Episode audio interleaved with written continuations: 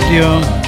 Dzień dobry, Roman Kurkiewicz. To jest poniedziałkowy poranek 11 maja 2020 roku. Spotykamy się od godziny 7, no 7 z minutami i będę z Państwem do godziny 10.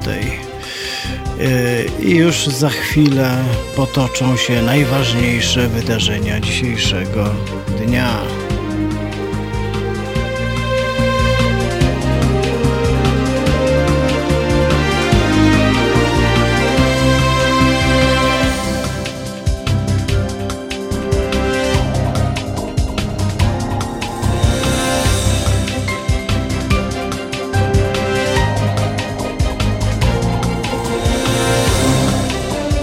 Halo Radio. Halo Radio. Raz jeszcze e, mówię serdeczne dzień dobry wszystkim Państwu. Jest 11 maja 2020 roku, poniedziałek. Bardzo dziwny poniedziałek. I w związku z tym, że jest to bardzo dziwny poniedziałek, przeczytam Państwu bardzo dziwny dokument pełnej treści z wszystkimi kropkami i kreseczkami.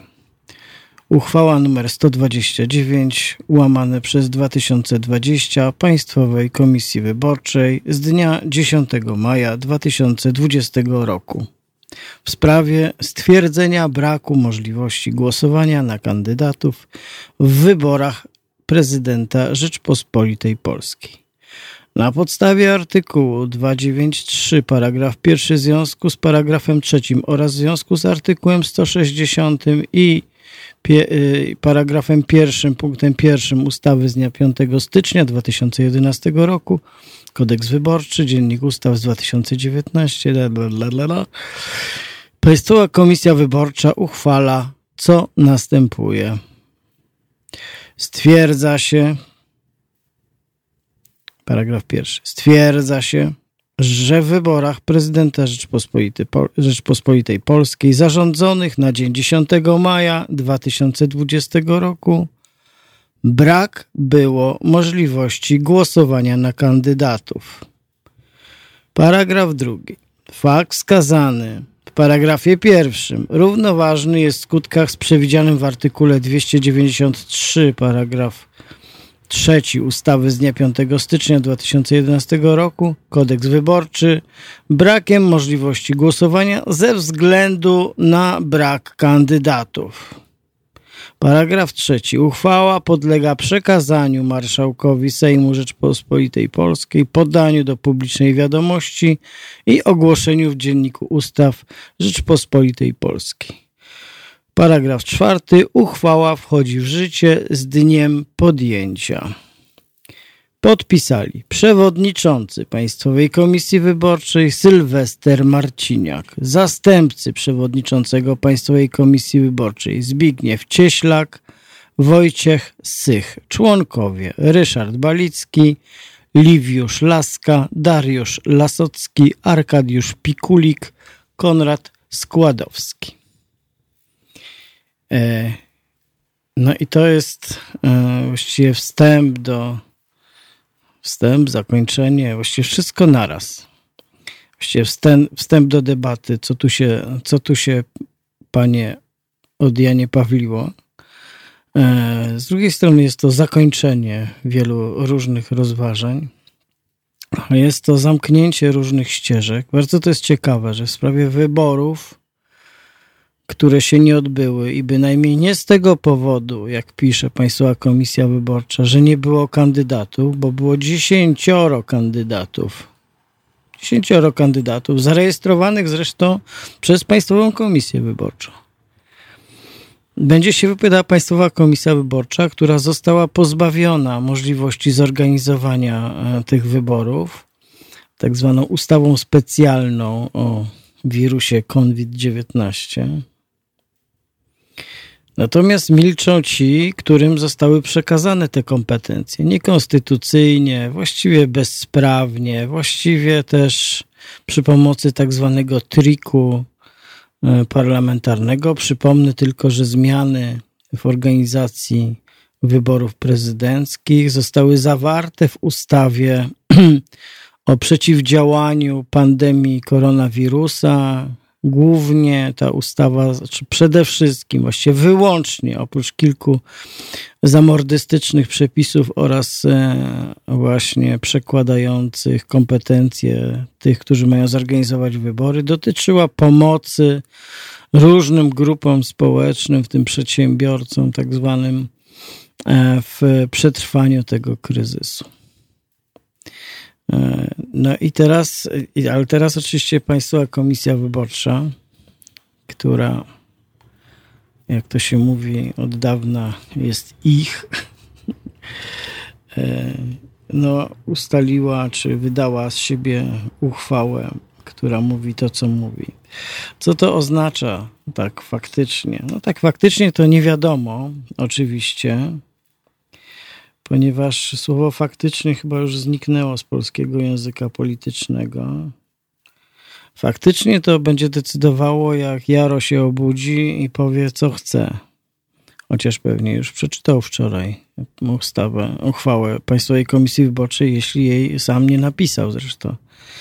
Także e, dowiemy się. Więc właściwie trudno spekulować, chociaż komentatorzy mówią, że e, wygląda na to, że w związku z takim przebiegiem procedowania, oczywiście jest to lewą ręką do prawego ucha mm, przez e, prawda, lewą łopatkę, łapanie się, to wybory w maju będą niemożliwe. Natomiast nie ma takiego mądrego, co by powiedział, czy to oznacza, że będą nowi kandydaci, że będą starzy kandydaci, że będą starzy i nowi kandydaci, że nie będzie żadnych kandydatów, że będzie jeden kandydat. No, to, no bo z takiego logicznego punktu widzenia to są wszystkie te możliwości, które można tutaj sobie wyobrazić. E, to brzmi trochę, mm, to brzmi trochę satyrycznie, ale, mm, ale tak naprawdę e, jesteśmy świadkami jakiegoś, jakiegoś dramatu. No mówiąc wprost, już abstrahując od takiej metaforyki wielkiego święta demokracji, no to pierwszy raz od kilkudziesięciu lat, tak naprawdę od lat 40. ubiegłego wieku nie odbyły się w Polsce zaplanowane, wyznaczone przez prawo i konstytucję e, wybory do e, ważną funkcję, teoretycznie ważną funkcję państwową, jaką, jaką w ostatnich 30 latach jest funkcja prezydenta Rzeczypospolitej. Po prostu to się nigdy wcześniej nie wydarzyło. Przypomnę, że e, wybory w ustroju, który nazywamy, mm, e, nazywamy, nazywaliśmy, prawda, autokratycznym, no totalitarnym to za dużo powiedziane, to pewnie krótki epizod w latach, wczesnych latach 50. można by tak być może określić. Po prostu to się nigdy nie zdarzyło. Natomiast y, w sytuacji, jakiej jesteśmy dzisiaj, no to właściwie jest sytuacja, którą sobie było trudno wyobrazić wcześniej. Jesteśmy teoretycznie demokratycznym państwem, jesteśmy państwem, które jest członkiem Unii Europejskiej, zbudowanej na jasnych regułach, zarówno trójpodziału władz, podziału kompetencji między między władze europejskie, władze krajowe, między władze krajowe władze samorządowe.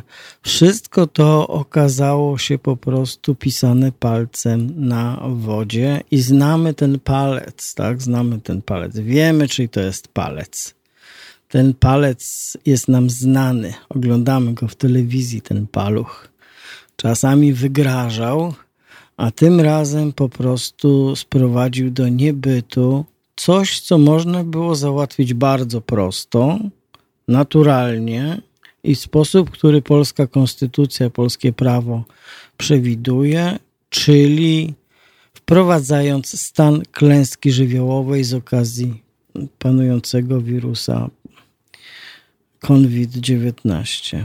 tak się nie stało, ponieważ ten palec chciał, żeby głosowano na Adriana jeszcze w maju, ponieważ dzisiaj Adrian oczywiście by wygrał. Sobie wyobraźcie Państwo też z takiego nieprawnego, niekonstytucyjnego punktu widzenia. Macie Państwo większość parlamentarną, która ma swój rząd, swojego prezydenta, swoją policję, swoje wojsko, swoje wszystko. Mało tego, ich kandydat właściwie stuprocentowym kandydatem do zwycięstwa. I ta władza w takiej sytuacji nie przeprowadza wyborów, które dają jej jakiegoś typu spokój i gwarancję na kolejne lata. To jest właściwie nie do wymyślenia, a jednak Jarosławowi Kaczyńskiemu udało się wymyśleć. Tutaj nie ma siły, przypominają się słowa Aleksandra Kwaśniewskiego z takiej debaty prezydenckiej przed laty z Jarosławem Kaczyńskim, gdzie Aleksander Kwaśniewski, wówczas urzędujący i kandydujący prezydent, powiedział: Tak jak pan potrafi wszystko zepsuć, to nikt tak tego nie potrafi. I w rzeczy samej można powiedzieć, że jeśli chodzi o taką proroczą wizję jakiejś osobowości politycznej, to e, było to jedno z najcelniejszych zdań, e, które padło w ciągu ostatnich 30 lat. E, będę się dzisiaj zajmował tymi wyborami, które, mm, które się nie odbyły bo, e, bo to jest e, rzecz absolutnie bezprecedensowa. Absolutnie bezprecedensowa i nie da się nad tym przejść po prostu do porządku e, dziennego. I na temat różnej formy nieprzechodzenia do porządku dziennego nad tym brakiem wyborów, bo nie kandydatów, nie wersji tych wyborów. Przypomnę, do jeszcze w ostatnim tygodniu, jeszcze tydzień temu, e, władza zapewniała nas, że minister Sasin, e, przypomnijmy, mistrz organizacji, który przygotowywał lot do Smoleńska w 2010 roku, da radę przygotować wybory korespondencyjne używając Poczty Polskiej, w której w trybie e, stanu wojennego wymieniono prezesa na takiego półżołnierza, no bo to był wiceminister czy sekretarz stanu z MONU.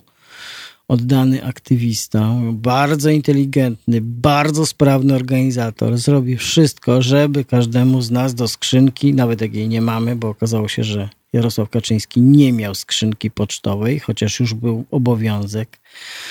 Dla porządku właściwie można dodać, że oczywiście Poczta Polska, która jest do, uprawniona do, do ukarania go mandatem w wysokości 10 tysięcy złotych, prawdę mówiąc, w tej sprawie się nawet nie zająknęła.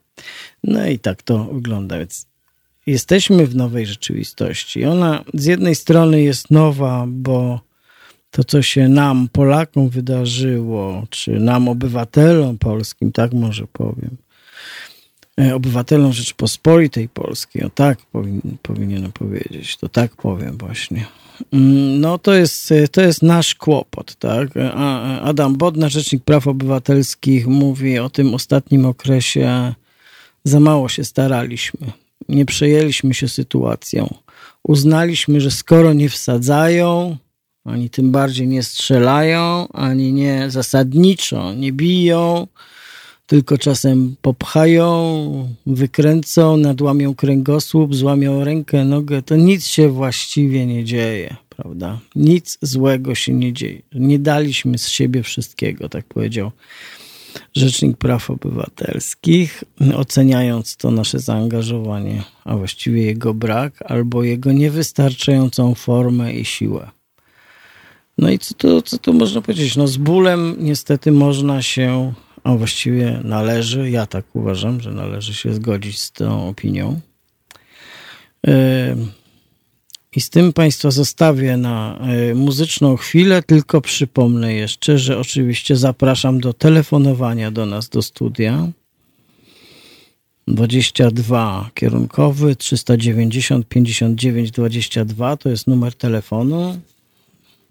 Tutaj ten telefon mamy, będziemy odbierać, będziemy z Państwem rozmawiać. Jeśli będziecie chcieli się podzielić e, swoimi refleksjami na temat tego, co tu się wydarzyło.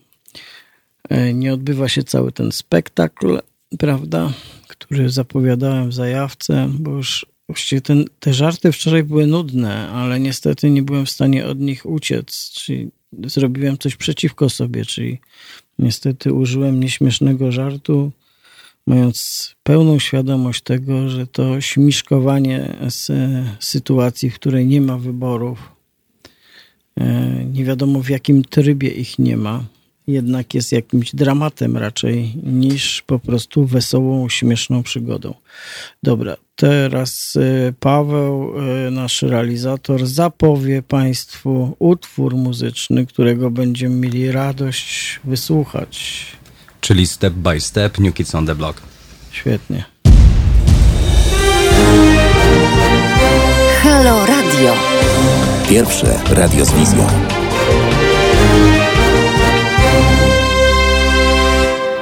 Halo Radio, poniedziałkowy poranek 11 maja 2020 roku. Zanim e, będę kontynuował tutaj swoje wywody i też zaproszę e, pierwszego słuchacza, który do nas zadzwonił, no to jednak wracam do e, własnych tradycji, bo nie jest nimi odczytywanie prze, przekuriozalnych uchwał Państwowej Komisji Wyborczej. E, moją tradycją jest czytanie fragmentów książki Eduardo Galeano Dzieci Czasu i dzisiaj fragment przypisany na dzień 11 maja. E, w jakim sensie niezwykle, powiedziałbym, metaforyczny. Złota rączka. Eugène François Vidocq umarł w Paryżu w 1857 roku. Od chwili, kiedy mając 14 lat napadł na piekarnię ojca, Eugène był złodziejem, sztukmistrzem, szermierzem, żołnierzem i dezerterem, kontrabandzistą, nauczycielem mającym bzika na punkcie uczennic, idolem burdeli, przedsiębiorcą, zdrajcą, szpiegiem, kryminologiem, ekspertem od balistyki, dyrektorem Sûreté Nationale, francuskiej policji śledczej i założycielem pierwszej prywatnej agencji detektywistycznej. Brał udział w dwudziestu pojedynkach. Uciekł z pięciu więzień, przebrany za zakonnicę albo inwalidę. Był magiem przebieranek, przestępcą przebranym za policjanta, policjantem przebranym za przestępcę, wrogiem swoich przyjaciół i przyjacielem swoich wrogów.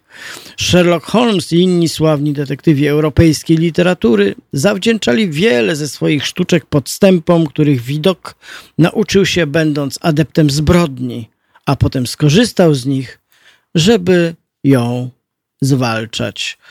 To był, e, to był Eduardo Galeano, Dzieci Czasu. E, zapis na dzisiaj. Przypomnę, książka tłumaczona przez panią Katarzynę Okrasko, wydana przez WAB z podtytułem Z kalendarza dziejów ludzkości. No ale wracamy już do naszych dzisiejszych wydarzeń, czyli do burzliwego poniedziałku poniewyborczego. Zadzwonił do nas pan e, Robert. E, dzień dobry. Dzień dobry.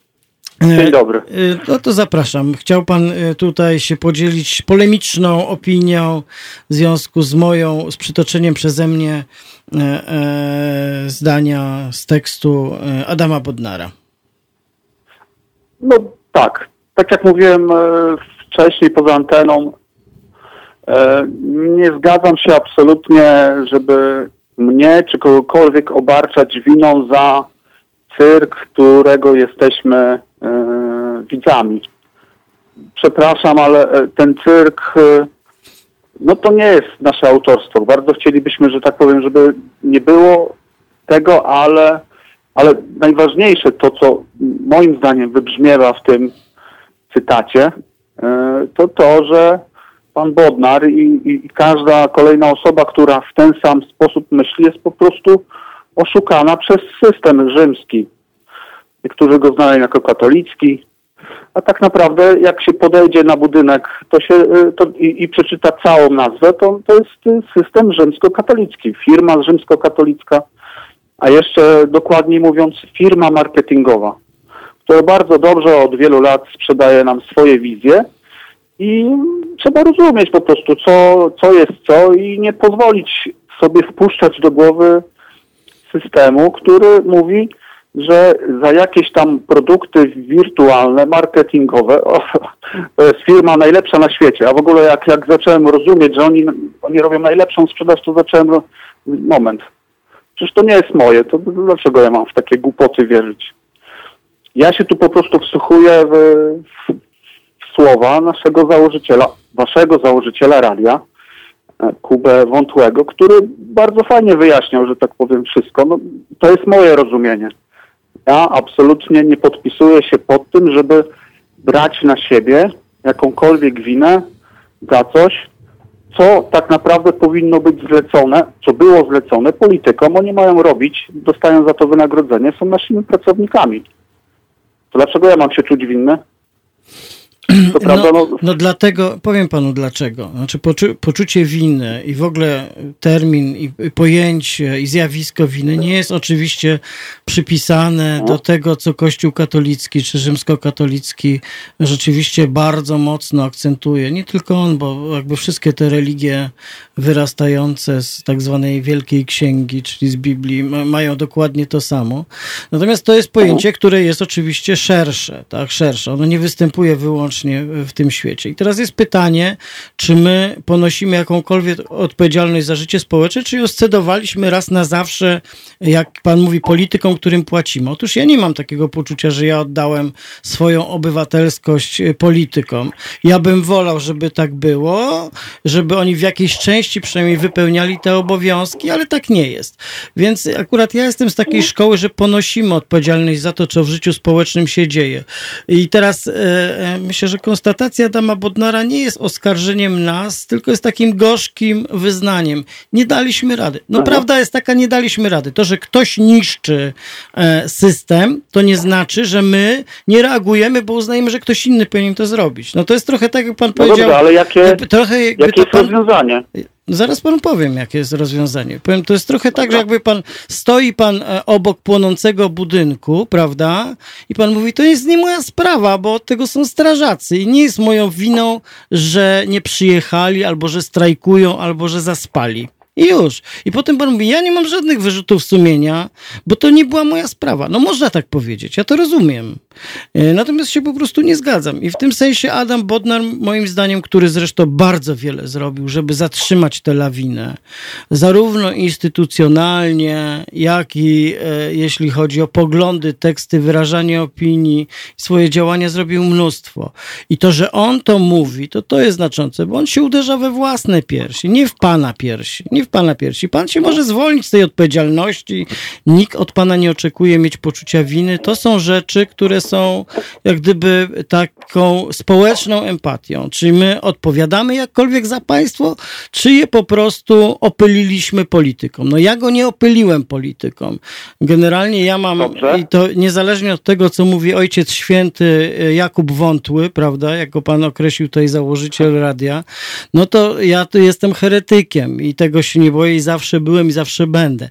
Więc e, u nas w radiu też jest tak, że nie obowiązują dogmaty Jakuba Wątłego, chociaż nie wiem, czy dokładnie to chciał powiedzieć, co pan tutaj zaprezentował. Poza tym jakby mamy tutaj prostą opowieść o Rzeczpospolitej, o prawach i o konstytucji. Oczywiście, że w jakimś najszerszym sensie pan ma o tyle rację, że na to nakładają się kalki naszego myślenia i reagowania, które w dużej mierze są w krzywy sposób ukształtowane przez, e, przez Kościół katolicki w Polsce, bo w Polsce, jak wiadomo, nawet ateiści są katolikami. No więc ja tyle powiem. No okej, to po, powiem tak, to w tym wszystkim zabrakło mi... bo zawsze, jak, zawsze jak są jakieś różnice zdania, tutaj ewidentnie mamy delikatnie, no myślę, że się zgadzamy w, w, w fundamencie, ale, a, a, ale później już jest, no, o, o, jesteśmy obok, ale ciągle przy tym samym stole, tak myślę. E, To zabrakło mi mojego zrozumienia intencji, bo faktycznie uzupełnił pan to, czego powiedzmy, no, wcześniej nie podejrzewałem, tak, że, że Bodnar faktycznie się mocno zaangażował, jego intencje są właściwe. Moje też, ale rozwiązaniem tego wszystkiego, tak mi się wydaje, jest to, że y, powinniśmy jako pojedynczy ludzie skupiać się w, e, w jakichś organizacjach, mniejszych, większych, które reprezentują właściwie nas. I w momencie, kiedy, kiedy przykładowo, nie wiem, ktoś robi dziwne rzeczy, na przykład Narodowy Fundusz nie potrafi zrealizować usług, za które odprowadziliśmy składki, to ubezpieczamy się w, innym, w innej kasie chorych i w tym momencie Narodowy Fundusz zaczyna myśleć, aha, jak my nie dostarczymy właściwej jakości usług, to oni się y, w Krankenkasie, kurde, w Niemczech ubezpieczą. I oni dostaną te usługi, ale nie u nas. Mhm. I, I, konkurencja, y, konkurencja to zrobi. I pewnie w Polsce też tak jest. Gdybyśmy mogli polityków po jakimś tam okresie, nie wiem, trzech miesięcy, po niewypełnieniu obietnic, zwyczajnie zwolnić. No, ja, no, Jan Kowalski tego co? nie potrafi. Panie Robercie, ale mamy mechanizm zwalniania polityków. On się nazywa wybory. Problem polega na tym, że większość Polaków wybiera tych polityków, którzy stanowią dzisiaj w parlamencie większość. E, wybory do parlamentu nie mamy żadnych powodów, żeby uznać, że one zostały sfałszowane. Można powiedzieć, że były różne nieprawidłowości, o czym wiadomo. Główną nieprawidłowością tak naprawdę była totalna stronniczość mediów publicznych, które udzielały w zupełnie niewyobrażalnych i nieznanych nam wcześniej dysproporcjach głosu e, ludziom obozu władzy, a pomijały wszelką opozycję. Więc ja, ja tylko przypomnę, że, że w, w wyborach w 2015 roku kiedy e, e, na partie, na partie polityczne przypadały jakieś dziesiątki godzin występów w telewizji publicznej, to partia Razem była obecna wtedy 9 sekund, tak? Więc, ale to jakby to wszystko się powtarzało dalej. To samo się działo w wyborach w 2019 roku jeszcze bardziej hardkorowo. Natomiast jak gdyby społeczeństwo polskie, czy obywatele polscy wybrali taką reprezentację, E, I tego też nie można lekceważyć. To jest ponad połowa społeczeństwa, przynajmniej ci, którzy głosowali. Nie, no tak, tak, ale, to, jest, no. ale to, to, znowu, to, to, to znowu jest tak, że jak puścimy odpowiednią ilość e, komunikatów, czy to będzie zambony kościelnej, tak? Jesteście winni e, marketingowemu produktowi, grzechowi pierworodnemu albo z telewizora. E, ci są dobrzy, ci są niedobrzy.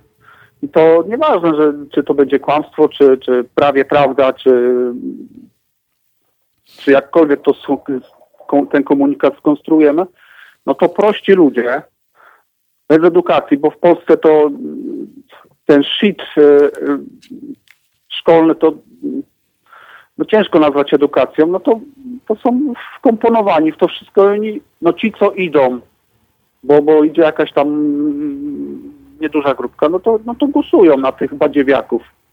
Tak? I moim zdaniem właśnie z tego powodu też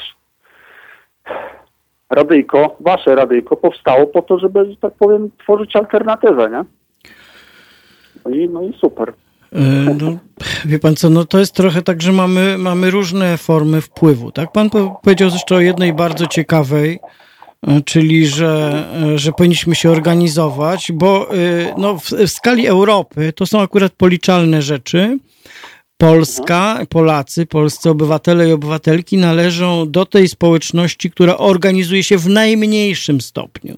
Wie pan, to jest policzalne. W czy, czy, w Polsce, czy Polska, Polska, Polska należy do na, najgorzej no. się tutaj, najmniej ludzi angażuje się w pracę stowarzyszeń, organizacji, związków zawodowych, partii politycznych. Najmniejsza grupa ludzi to, to są Polacy. Więc to jest... No dlatego, że się siebie boimy, wie pan. No, nie wiem, nie wiem, nie wiem, czy to jest... Ja myślę, że są bardzo różne. Ja trochę się obawiam niestety, że część odpowiedzialności za to tkwi w takim myśleniu, które pan zaprezentował, czyli że polityką to się zajmują politycy, bo my im za to płacimy, do tego ich wynajęliśmy. No to jeśli tak mhm. jest, to nie ma powodu, to jakby pan trochę jest samosprzeczny. To nie ma powodu, żeby się organizować, bo to już jest zorganizowane, po czym okazało się, że to, co jest zorganizowane, jest to kant dupy potłuc, bo po pierwsze nie możemy e, nic zrobić, kiedy część e, polityczna e, u władzy demoluje cały system. Zresztą w takim systemie pełnego chaosu i sama się łbem wali, prawda, o ścianę i kaloryfer i nawet nie wie, czy się walnęła tym razem o ścianę, czy o kaloryfer a inni są bezradni. Wie pan co, ja odczytuję tą opowieść Bodnara, taką, wie pan, taką konstatację, e, to, to, trochę jest tak jak, wie pan, mecz piłki nożnej, prawda? Taka metafora, która wszystkim Polakom jest bliska, znana. Kończy się i przegra, przegraliśmy mecz. No to wiadomo, że przegraliśmy. To jest wynik 0-2, prawda? I teraz można powiedzieć, a pieprzyć to tam, co tu gadać w ogóle? No po prostu to jest wynik i wynik i tyle. Ale ktoś powie, no dobra, ale na ten wynik złożyło się tak, że nie trenowaliśmy się, że nam się nie chciało, że faulowaliśmy, że nie trafialiśmy, że mieliśmy zły dzień, że popiliśmy wczoraj i po prostu nie było werwy, że trener jest po prostu debilem, a w ogóle to za mało nam płacą. Rozumie pan? I teraz jest pytanie, to szukamy jakichś y, przyczyn, czy nie? Czy w jakimś sensie, y, bo tak naprawdę znalezienie przyczyny i powiedzenie sobie, nie zaangażowaliśmy się w pełni, a moim zdaniem to jest, to jest w jakimś sensie celne. E, e, co nie znaczy, że niektórzy ludzie angażowali się bardzo, a inni trochę, a inni w ogóle, a inni w ogóle do głowy im nie przyszło, że istnieje coś takiego jak zaangażowanie. Więc e, tutaj ja bym to potraktował jako jeden z elementów takiej refleksji po tym, jak dostaliśmy w dupę, a dostaliśmy. I to, że ktoś nas bił, prawda? To by to, wie pan, no to, bo, bo to jakby sprawca jest znany, tak? Sprawca jest znany. Natomiast mogliśmy być może, e, mogliśmy być może, nie wiem, czy była taka szansa, może i nie było. Co nie zmienia faktu, że wie pan, to jest akurat taka prawda, która e, zawsze, e, zawsze właściwie może wybrzmieć, czyli na pewno można było zrobić więcej. No więc w tym sensie można powiedzieć, że to stwierdzenie Adama Bodnara jest dość banalne, bo zawsze można zrobić więcej. Ale z drugiej strony można się tym przejąć, bo to jest nie koniec tej zabawy.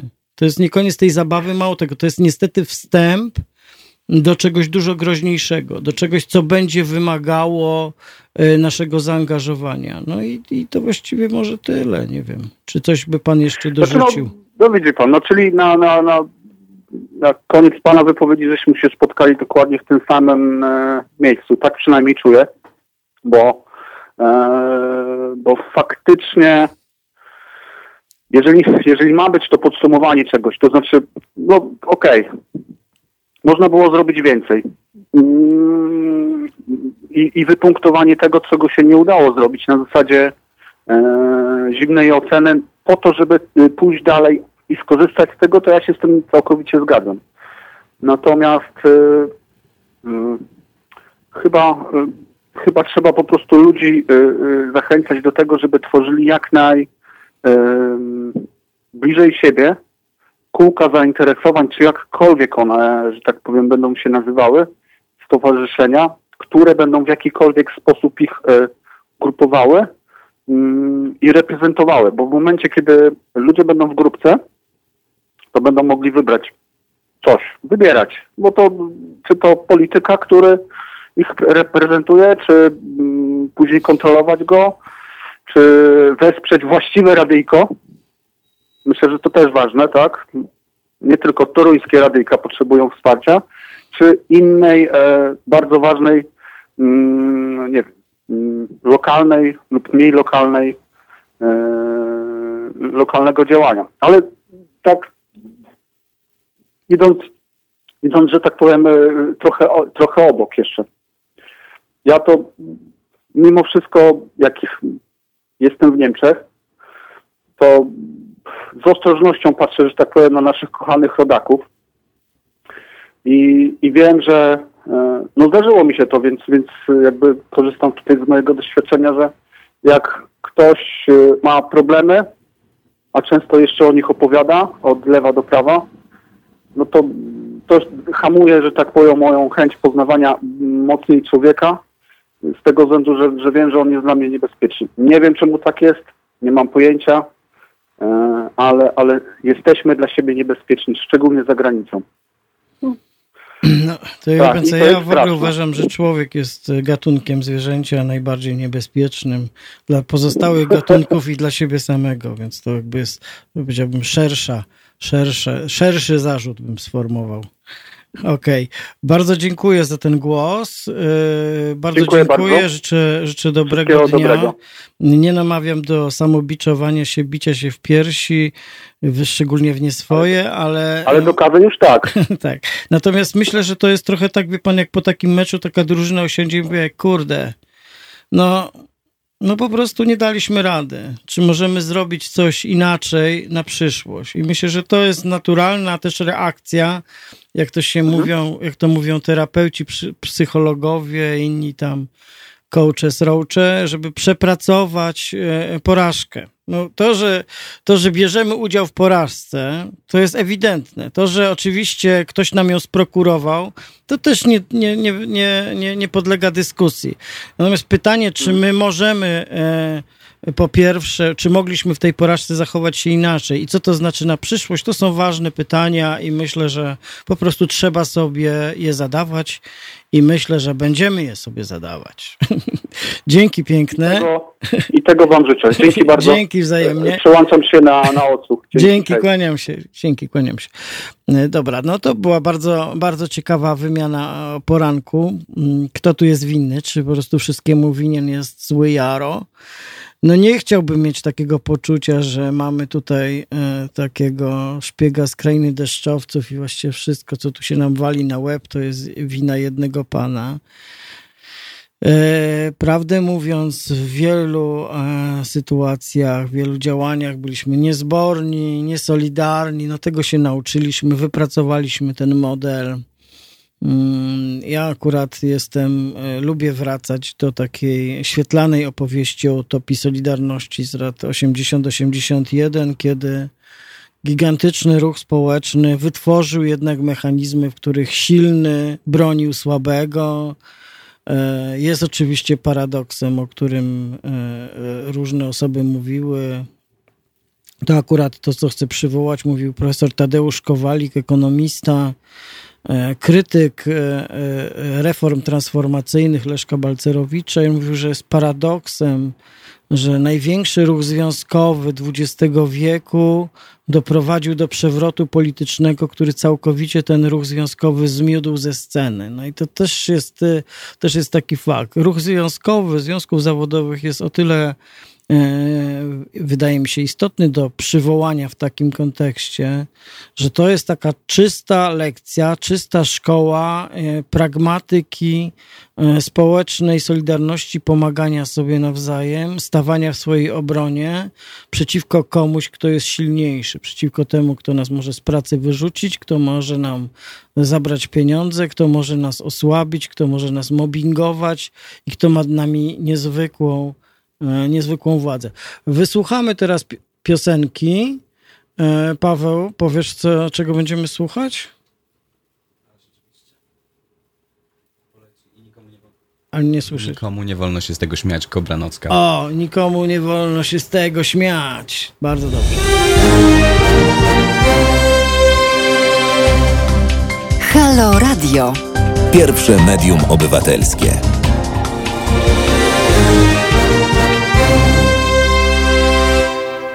Halo Radio, poniedziałkowy poranek 11 maja 2020 roku. Roman Kurkiewicz, jesteśmy z Państwem od godziny siódmej. No dzisiaj, ponieważ mamy niezwykły, poniewyborczy e, poranek, telefony się urywają. Teraz do Pana Romana dzwoni Pan Roman. Dzień dobry. Witam panie Romanie, żeby łatwiej Roman. Witam Pana Romanie, też możemy mówić sobie na Roman, oczywiście, jak to Roman z Romanem. panie Romanie, ja mam taką diagnozę tak jest. swoją osobistą. E, Żyję już parę lat na tym świecie, ponieważ imię Romana nadawano w latach 50., 60. No to prawda, to prawda. E, Obaj taką padliśmy, obaj padliśmy tutaj, prawda, tym. Powiem taką ciekawostkę. Mhm. Znaczy nie ciekawostkę, no taki, takie moje przemyślenie, że ta sytuacja, jaka jest w tej chwili, to już według mnie jest pozamiatane, ponieważ raz, że te nieudaczniki się dorwały do władzy, że nie potrafią nawet przeprowadzić wyborów po swojej myśli, a to dlatego są nieudacznikami. Ale w czym tkwi problem? Problem tkwi y, mm, w kształceniu, według mnie, świadomości. Żeby zamiast religii kształcono tam jakieś postawy obywatelskie, były jakieś takie lekcje wychowania. Y, Nie wychowania, tylko a, chyba le, lekcje wychowawcze były. I jeżeli był mądry nauczyciel, to uczył nas takich podstawowych postaw społecznych. Ale mi się wydaje, że w tej chwili pierwsza rzecz, jeżeli kiedykolwiek się uda, jeżeli się uda, w co coraz bardziej wątpię, przejąć władzę jakiejś, jakiejś normalnej, normalnej grupie ludzi, powinno się postawić na edukację. Wywalić tą religię ze szkół, a zacząć uczyć. Tylko z drugiej strony, kto ma uczyć, jak tam już nauczycieli nie ma praktycznie. No ale jeżeli się zapłaci, to, to będą. Będą, tylko że to też po- potrzeba trochę czasu. Bo społeczeństwo niewykształcone nie ma świadomości po prostu. I w tej chwili w tej szczujni opowiadają ludziom dziwne, dziwne rzeczy i oni w to wierzą. Ja im się nawet wcale nie dziwię, że oni w to wierzą, no bo, bo oni są tacy, że wierzą, no bo jak ludziom się opowiada o rzeczach, których nigdy nie widzieli oni w to wierzą, to wierzą tym bardziej w to, co widzą w telewizji. A odnośnie tego ruchu społecznego, dlaczego tego ruchu nie ma? Ja pamiętam dobrze czasy lat 80., kiedy był ten ruch Solidarności. Akurat e, powiem taką ciekawostkę, że ja pracowałem wtedy po tak zwanej drugiej stronie barykady. Poszedłem tam do pracy w latach, to było e, w 70 79 roku, gdzie jeszcze był taki w miarę spokój, ale oczywiście te półeczki były takie już pustawe w sklepach. I ten ruch narodził się dlatego, że po prostu czegoś tam nie było. Ludzie nie patrzyli na, na jakieś wolności demokratyczne i inne dziwne historie, bo to było dla nich drugorzędne.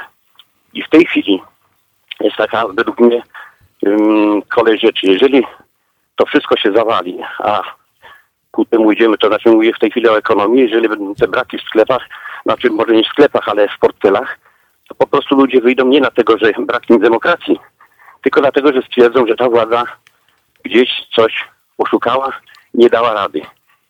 Ja nie wierzę w demokratyczne wybory.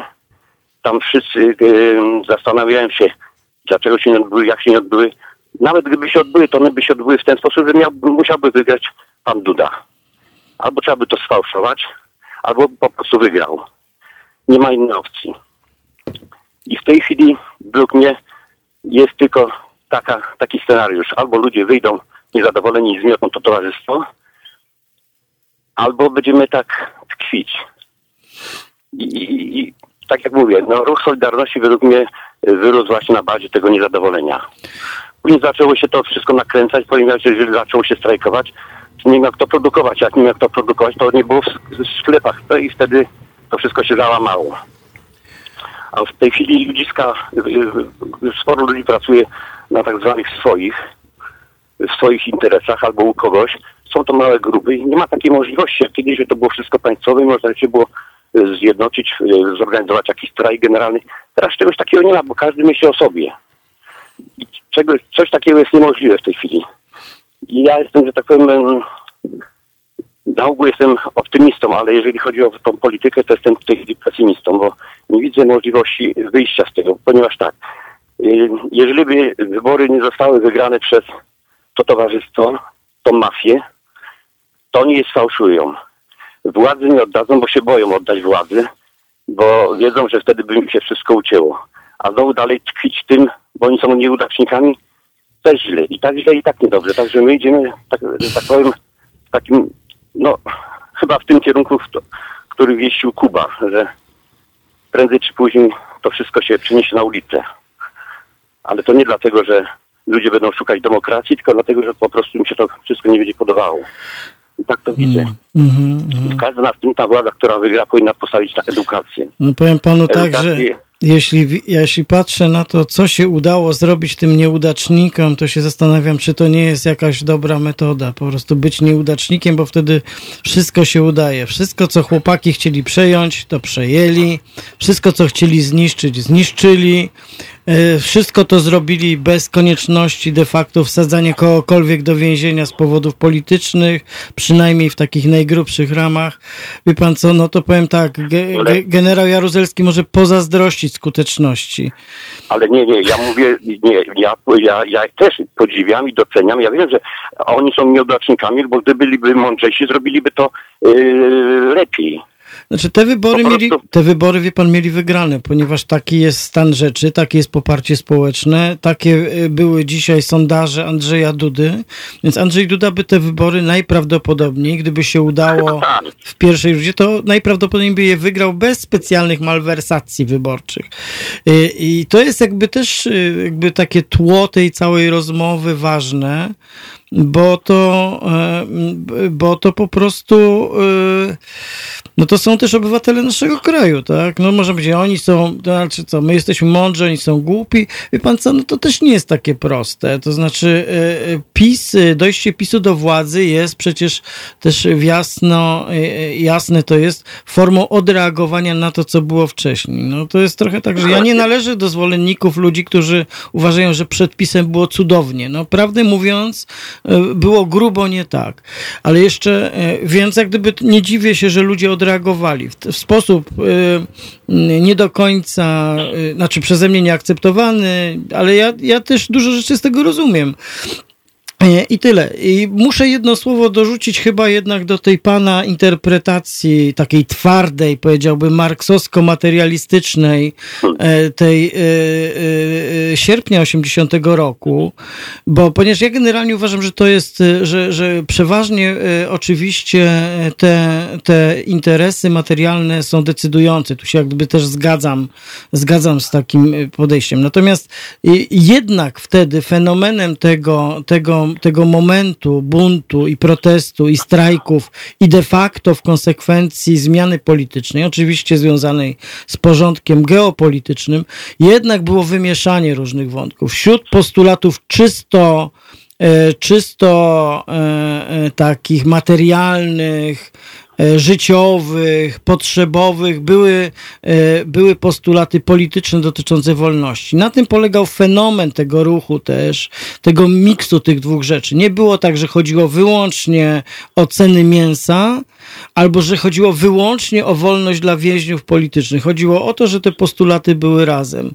Problem polega na tym, że z latem po tej rewolucji, e, przez to też, że społeczeństwo w dużej mierze się wzbogaciło, przestaliśmy zwracać uwagę na tych, którzy nie są beneficjentami tej zmiany. I że jest to gigantyczne, pokaźne grono, które też w pewnym momencie wykorzystało władzę, którą ma, wrzucając kartkę e, do urny. Więc to, e, no, to, to właściwie chciałem tyle dorzucić. Dziękuję. No, złożyło się na to no, wiele okoliczności, no ale tak jak mówię, no to towarzystwo w tej chwili, ja mówię w, w sensie nieudaczników, że powiedzmy nie mających kompetencji, kompetencji ludzie y, zostają stawiani na stanowiska, bo to jest takie, takie dzielenie, dzielenie powiedzmy tego łupu, prawda, że oni mogliby nawet by poszli tą metodą chińską, że tam się stawia jednak na fachowców, prawda? Ktoś tam, ta komuna niby rządzi, ale stawiają na fachowców, jeżeli o gospodarkę. A oni tu stawiają na takie kolesiostwo już takie, takie do dna, że po prostu oni pewnych rzeczy nie potrafią zorganizować, nawet tak jak mówię, no tak jak z tymi wyborami nawet. Więc oni są pod tym względem nieudacznikami, a my pozwoliliśmy się, że tak powiem, plasterek po plasterku, pozwoliliśmy się okroić z tego, co mieliśmy, czyli z tej demokracji, no powiedzmy, no ona była lepsza czy gorsza. Teraz dostrzegamy, że jednak ta, ta poprzednia była o wiele lepsza i, i wszystko. No i teraz, no ciężko będzie z tego wyjść. Podejrzewam, że wybory tego nie załatwią, bo oni teraz zrobią wszystko, żeby wyborów nie przegrać, a mają takie możliwości. No mają. tyle mojego. no. Dobra, dziękuję bardzo. No dziękuję, kłaniam się, do widzenia. Dziękuję, kłaniam się, pozdrawiam, e, pozdrawiam imiennika, e, życzę, Dziękuję. życzę dobrego dnia. E, No jak widzicie Państwo dzisiaj, Kształt, kształt tych ludzi, bo Halo Radio to jest właśnie ten kierunek. To No, tak. na to podstaw. dzięki, dzięki. No, No, dziękuję, do widzenia. to co, to po tej, po tej kolejnym tutaj mocnym głosie i dyskusji posłuchamy. Czego posłuchamy teraz, Pawle? I'll be there for you. The Rembrandts. Dobra, niech będą Rembrandci.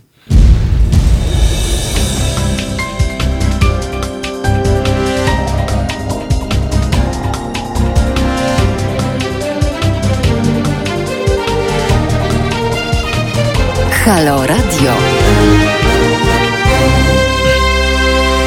Halo Radio, poniedziałkowy poranek, 11 maja 2020 roku. E, No i cóż, mamy, Mamy, jesteśmy w czasie poniewyborczym. Prawdę mówiąc, mało mnie interesuje, kto wygrał wojnę na Nowogrodzkiej.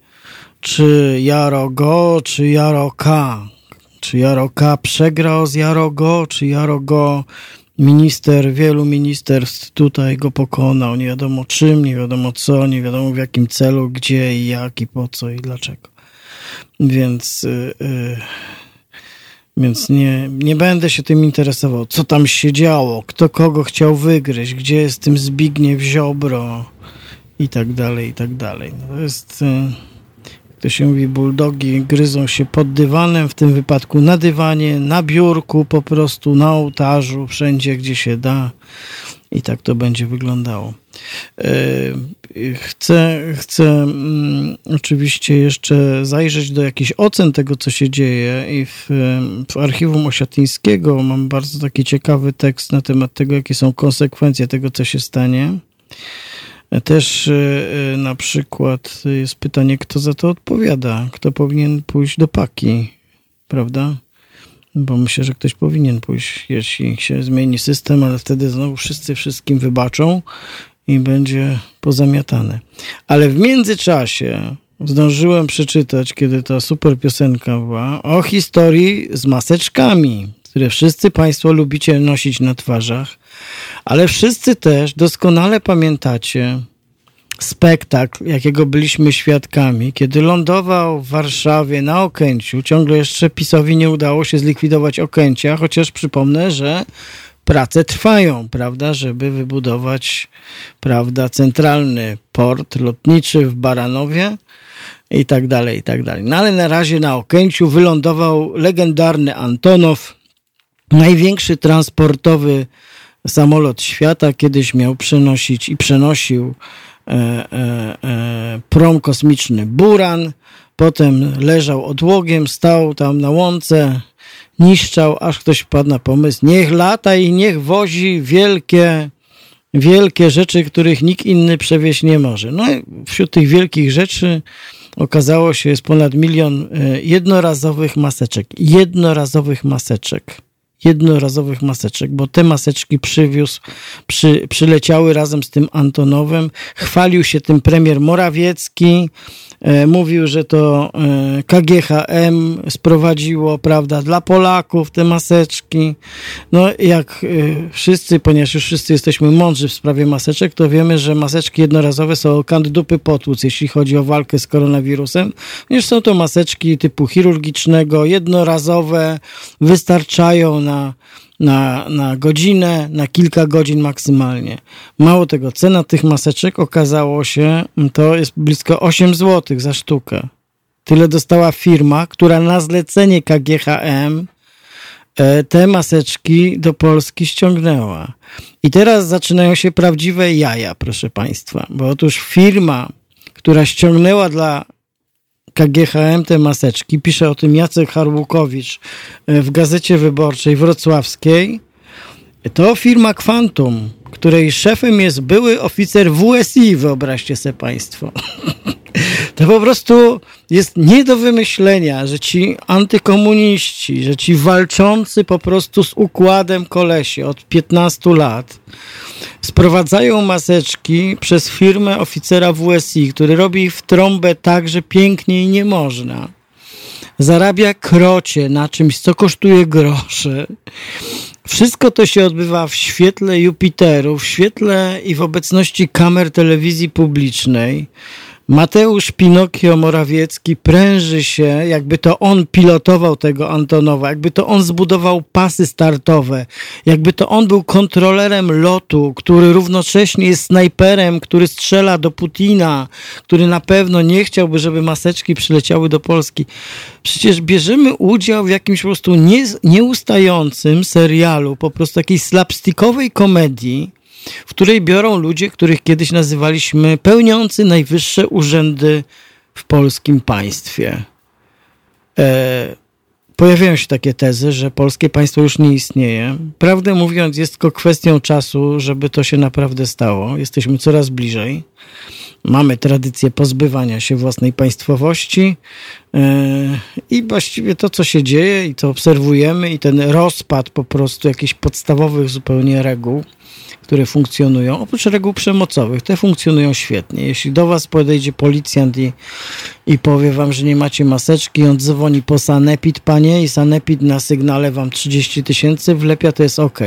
Jak w tym samym czasie najostrzejszych rygorów Jaro z grupą współpracowników, y, prawda, wychodzi pod y, pomnik schodów na placu Piłsudskiego, no nikt do niego nie podchodzi, prawda? Raczej, raczej e, e, szczelnie otaczają po prostu kordonem cały plac, żeby nikt tam się nie pojawił. To też wczoraj się pojawiało.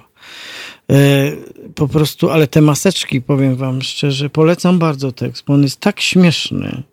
To jest tak kuriozalne. To jest tak kuriozalne. Mm. Ktoś za to poleci. Mateo, chyba ty powinieneś polecieć za to. Mateo Pinocchio po prostu to jest chyba czas na utylizację.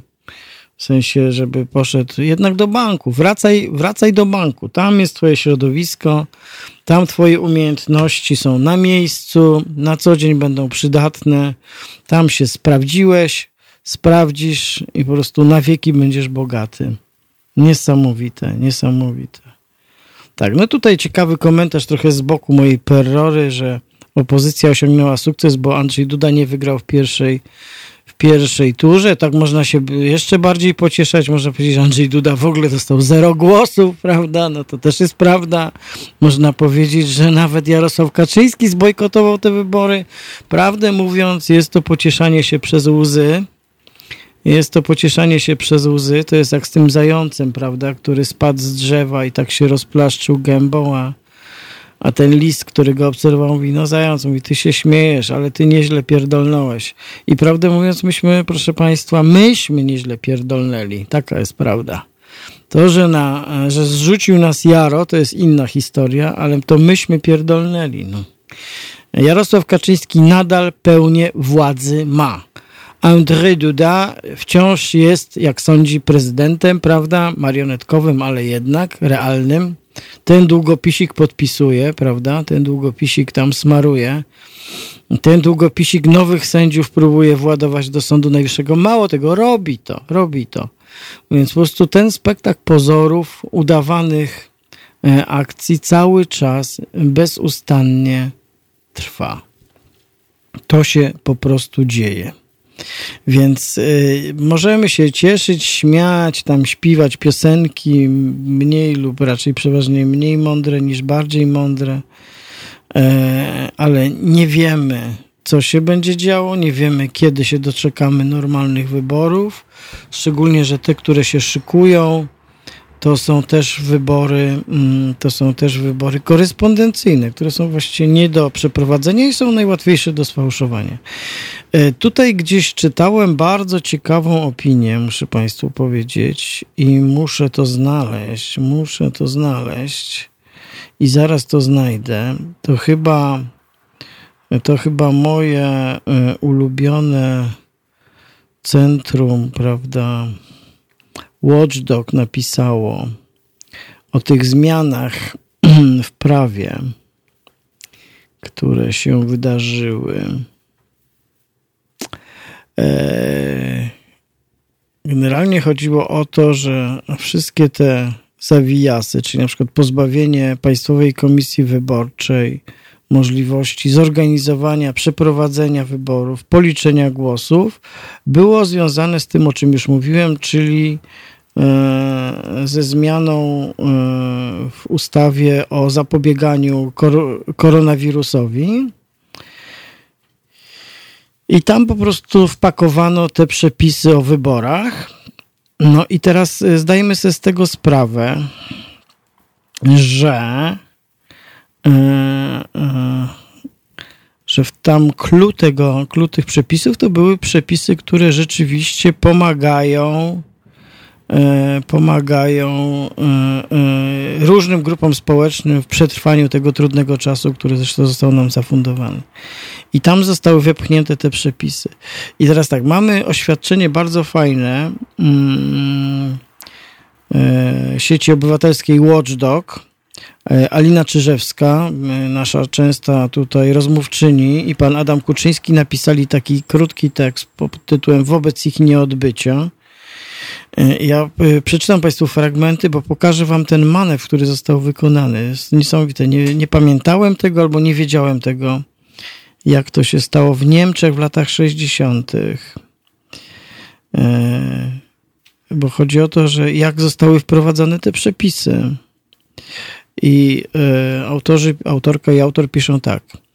Y, ustawę trudno byłoby odrzucić z uwagi na konieczność niezwłocznego wprowadzenia niezbędnych rozwiązań dotyczących sfery życia gospodarczego i społecznego. Podkreślamy przy tym, że takie działanie nie tylko rażąco narusza zasady przyzwoitej legislacji, które powinny obowiązywać w demokratycznym państwie prawa, lecz także znajduje niepokojące analogie w historii parlamentaryzmu naszego zachodniego sąsiada. W 1968 roku w Republice Federalnej Niemiec przy okazji nowelizowania ustawy o ruchu drogowym wprowadzono do niej przepisy amnestionujące sprawców kierowniczych hitlerowskich zbrodni ludobójstwa. Rozumiecie? W przepisach o tym, że na zielonym przechodzimy, a na czerwonym stoimy, wpisano że żaden e, faszystowski, hitlerowski zbrodniarz nie będzie już więcej w RFN-ie osądzany. Tak to się robi. Tak to się robi. A nasi się uczą. Naprawdę nieudacznicy? Naprawdę? No panowie, kiedy wreszcie, kiedy wreszcie po naszej stronie będziemy mieli taką zorganizowaną grupę nieudaczników, kiedy wreszcie? Ja po prostu patrzę z wytęsknieniem. Wypatruję, po prostu oczy mi łzawią. Ale w tym tekście Watchdogu jeszcze jest tak. Mm, na szczęście Stowarzyszenie Watchdog Polska, sieć obywatelska, złożyła zawiadomienie do prokuratury o popełnieniu przestępstwa i na stronie sieciobywatelska.pl możemy sobie znaleźć ten tekst i, i, i tak piszą e, autorka i autor przypomnę, pani e, Alina Czyżewska i pan e, Adam Kuczyński. Kogo i o co podejrzewamy? Po pierwsze podejrzewamy Jarosława Kaczyńskiego, Jarosława Gowina i Zbigniewa Ziobrę o to, że działając podstępnie, a podstępnie to jest taka kategoria, która występuje w prawie, o tym, kto podstępnie przeszkadza w wyborach, uniemożliwił Polkom i Polakom udział w wyborach prezydenta RP. Wyżej wymienieni politycy doprowadzili do tego, że w ustawie mającej na celu wprowadzenie szczególnych instrumentów wsparcia w związku z rozprzestrzenianiem się wirusa SARS-CoV-2 zostały również wprowadzone przepisy pozbawiające Państwową Komisję Wyborczą wpływu na organizację wyborów i tak dalej, i tak dalej. Dalej Państwu czytałem. No więc e, do prokuratury poszło zawiadomienie. Autorzy oczywiście bez e, na chłodno piszą, przewidujemy, że nasze zawiadomienie nie spotka się z uznaniem po stronie prokuratury. Ha, ha, ha, oczywiście. E, nie zapominajmy, że pierwszym ruchem, który PiS zrobił po dojściu do władzy, było podporządkowanie prokuratury ministrowi sprawiedliwości. I prawdę mówiąc, tym nieudacznikom ten manewr udał się tak, że dzisiaj na palcach jednej ręki, z uciętymi palcami zresztą, można liczyć prokuratorów i częściej prokuratorów, które y, tym działaniom się przeciwstawiają, ale przeważnie ponoszą za to natychmiast konsekwencje, mają dyscyplinarki, usuwane są z zawodu albo na przykład dostają delegację. Jak mieszkasz w Szczecinie, będziesz pracował w Przemyślu, prawda? Proste. I dojeżdżaj do pracy na własny koszt. No tak, więc piszą dalej. No to oczywiście, że prokuratura to wy, wyrzuci do kosza, ale wtedy zostanie wniesione zażalenie do sądu i sąd się będzie musiał tym zająć. Sąd. Ciągle jeszcze jest szansa, że sąd się tym zajmie. Oczywiście gigantyczny wysiłek podporządkowania sobie całego sądownictwa będziemy oglądać na własne oczy. Jak kolejny nowo mianowany prezes lub prezeska sądu będzie wyznaczała swoich sędziów, albo odraczała sprawę, albo zrzucała z wokandy, albo dawała swojego sędziego. No tak to będzie. Tak to było. Także jest gorzej niż myśleliśmy, ale równocześnie, to też do naszego dzisiejszego pierwszego rozmówcy, na koniec jest apel Watchdog Polska. W naszej opinii pokrzywdzonych w tej sprawie jest około 30 milionów obywatelek i obywateli naszego kraju. Każda z tych osób może zgłosić się do prokuratury jako osoba pokrzywdzona przestępstwami opisanymi w naszym zawiadomieniu. W tym celu możecie skorzystać z przygotowanego przez nas wzoru. Jest wzór zgłoszenia. Pamiętajcie, że na, zgłosz- na wysłaniu zgłoszenia sprawa się nie kończy. Możemy się liczyć z wezwaniem do prokuratury, lecz na policję celem złożenia zeznań, co nie dla każdej osoby może być komfortowe. Będziemy informować o dalszych losach postępowania. No i proszę, to to trzeba może zgłosić. Ja zaraz sobie jeszcze poczytam to zgłoszenie w czasie, kiedy Państwo będziecie sobie spokojnie przy kawce, prawda, słuchać. Czego to będą Państwo sobie słuchać teraz, Pawle? Getting Better Beatlesów. No proszę bardzo, Getting Better, po prostu. Halo Radio. Poniedziałkowy poranek, Halo Radio, Roman Kurkiewicz po raz kolejny. Witam Państwa, minęła godzina 9.30, prawie 3. Mm, rozmawiamy wokół niewyborów w Polsce, które się wczoraj nie odbyły i które nie zostały rozstrzygnięte i które dalej zaprzątają naszą uwagę tak, jakby się odbyły. Aczkolwiek trudno jest analizować przepływy elektoratów, co zapowiadałem, prawda, między e, kandydatami, którzy dostali wszyscy po zero głosów, ponieważ nie wpuszczono ich do komisji wyborczej, ponieważ ich nie było, a nie mogli też wysłać przesyłek, bo ich nie było. No i w ogóle po prostu nie było niczego. E, Śmichy, chichy były z Kononowicza, jak zapowiadał, że nie będzie niczego i po prostu okazało się, że w sprawie, która była nie do spieprzenia, udało się ją spieprzyć. Udało się nie przeprowadzić wyborów, które zresztą formacja rządząca miała wygrane. Jak na to wygląda niestety. Wszystko to jest po prostu jak, jakiś, jakiś flip, flip flap, po prostu flip flap w jednym. Bardzo piękny. Tu y, z zupełnie innej y, strony ktoś y, pyta, ktoś z Państwa, czy będą audycje, czy będzie audycja poruszająca tematy związane z niepełnosprawnościami. Nie wiem, czy będzie taka pojedyncza audycja, jakby dedykowana wyłącznie takiemu problemowi. Wiem, że wielokrotnie w programach koleżanek i kolegów różnych bardzo te tematy są podejmowane, ale zasygnalizujemy, podrzucimy, przegadamy, chociaż ciężko nam się ostatnio gada, bo wszyscy wiecie, jak to jest. Tak. Ateizm. No. Wszystko gorące tematy. Dobrze. Dobrze, wszystko przekażę, wszystko grzecznie przekażę. Dziękuję bardzo Państwu za te głosy. Też y, namawiam do telefonowania do nas 22 39 059 22. To jest ten sam numer co 22 390 59 22. E, Dzisiaj już mieliśmy kilka takich rozmów. E, Jeszcze przeczytam Państwu to zgłoszenie, co? To zgłoszenie, które można do prokuratury wysłać, bo ono jest króciutkie. Trzeba napisać miejscowość, datę, prawda? I do prokuratury rejonowej Warszawa Śródmieście podpisać się pokrzywdzony, prawda, i napisać zgłoszenie pokrzywdzonego, ja niżej podpisany, podpisana, zgłaszam się jako pokrzywdzony, pokrzywdzona w sprawie zawiadomienia sieci obywatelskiej Watchdog Polska z dnia w sprawie Jarosława Kaczyńskiego i innych. To mi się podoba.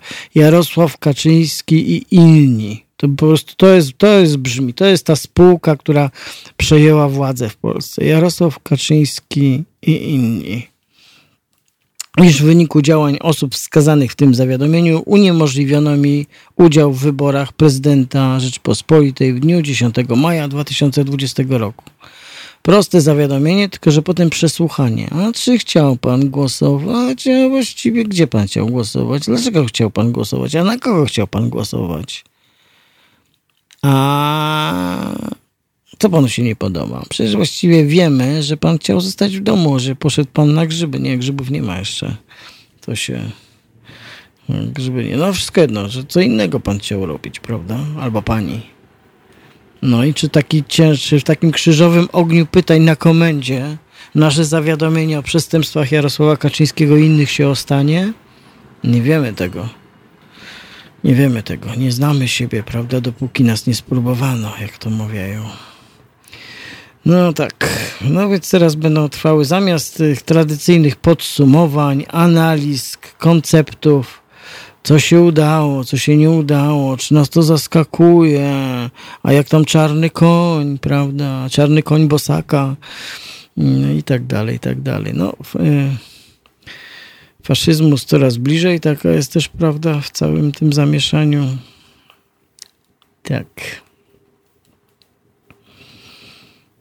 Nie wiem, nie wiem, nie wiem, nie wiem. Nie wiem, to jest właściwie podstawowe, podstawowe słowo, yy, które mi się pojawia, kiedy o tym rozmawiamy. Yy, kiedy, kiedy to się ruszy wobec ich nieodbycia, nieodbycie, nieodbyt, nieodbycie. Tak, pan Kuba? Pan Kuba do nas dzwoni. Dzień dobry. Halo, dzień dobry. E, Dzień dobry panie Romku. E, Tak słucham, słucham audycji. E, Nie powiem, że czuję się coraz gorzej słuchając tych wszystkich rzeczy, bo nie wiem, czy można się czuć gorzej. I tak się zastanawiam, jakie w ogóle możliwości posiadamy w tym momencie zmiany obecnej sytuacji. Wydaje mi się, że wybory jakiekolwiek nie będą miały w tym momencie najmniejszego znaczenia, gdyż partia rządząca nie po to dokonywała tych wszystkich przestępstw na prawie, przejmowała po kolei instytucje, żeby nagle e, przegrać wybory, powiedzieć ok, oddajemy wam te wszystkie mechanizmy, które stworzyliśmy e, w tym momencie, e, idziemy sobie. Nie sądzę szczerze, żeby PiS legalnie oddał w tym momencie władzę. W wyborach zapewne też nie przegrają ze względu na specyfikę naszego społeczeństwa. No, my powiedzmy jako ta część e, liberalna, proeuropejska, prowolnościowa, czy jakkolwiek by to nazwać, bo wydaje mi się, że w tym momencie nazwy nie mają najmniejszego znaczenia, jesteśmy zdecydowaną mniejszością i trzeba się z tym pogodzić.